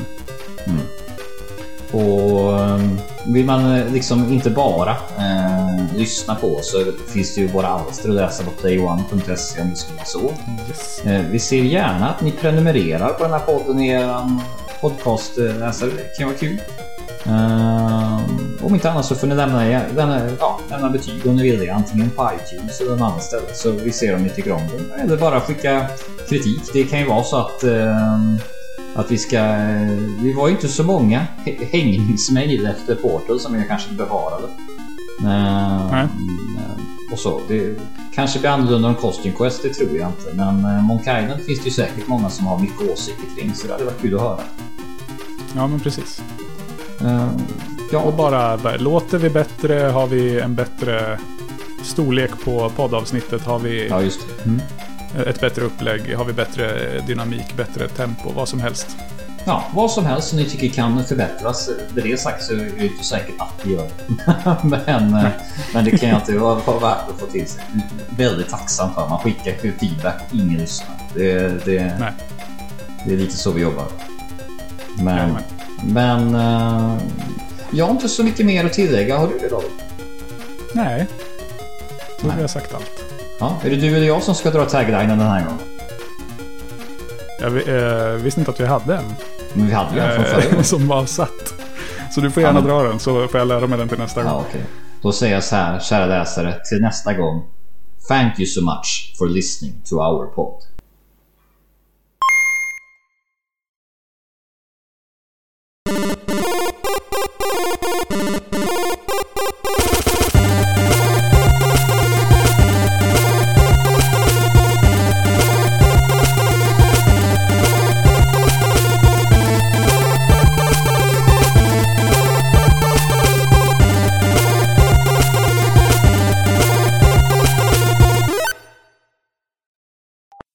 Var cheesy vet du. Ja, ja, ja. Men jag, jag, ja, okej, jag, jag fattar inte att det var en, en grej. Så Ja, är det är det taget någonstans ifrån eller bara... Nej, det är, ju, det är ju egentligen bara från Super Mario 64. Thank you so much for playing my game. Jaha. Det är egentligen inte svårare än Jag så. har nog aldrig... Jag har ju klarat det spelet men jag känner inte igen det där. Men... Thank you so much for playing my game. Jaha, okej. det är ju exakt så. Ja, precis. Ja, ja. Eh, Så jag ska vara snabb. Du får, du får fylla ut igen. Jaha, var det en sån? ja. Ja, ja, kör på då. precis. Hej.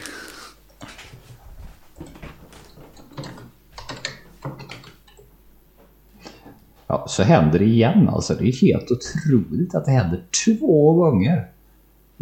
Efter att vi ska gå in på en analys. Det är ja, världsrekord. Nu får jag vänta lite David, för nu tror jag att barn är vakna. Vänta tre sekunder. Jajamän. Hahaha, nu är det äntligen min tur. Att regera denna podcast. Synd bara att jag inte har så mycket att säga. Jag har ingen direkt makt att missbruka. Så att... Eh,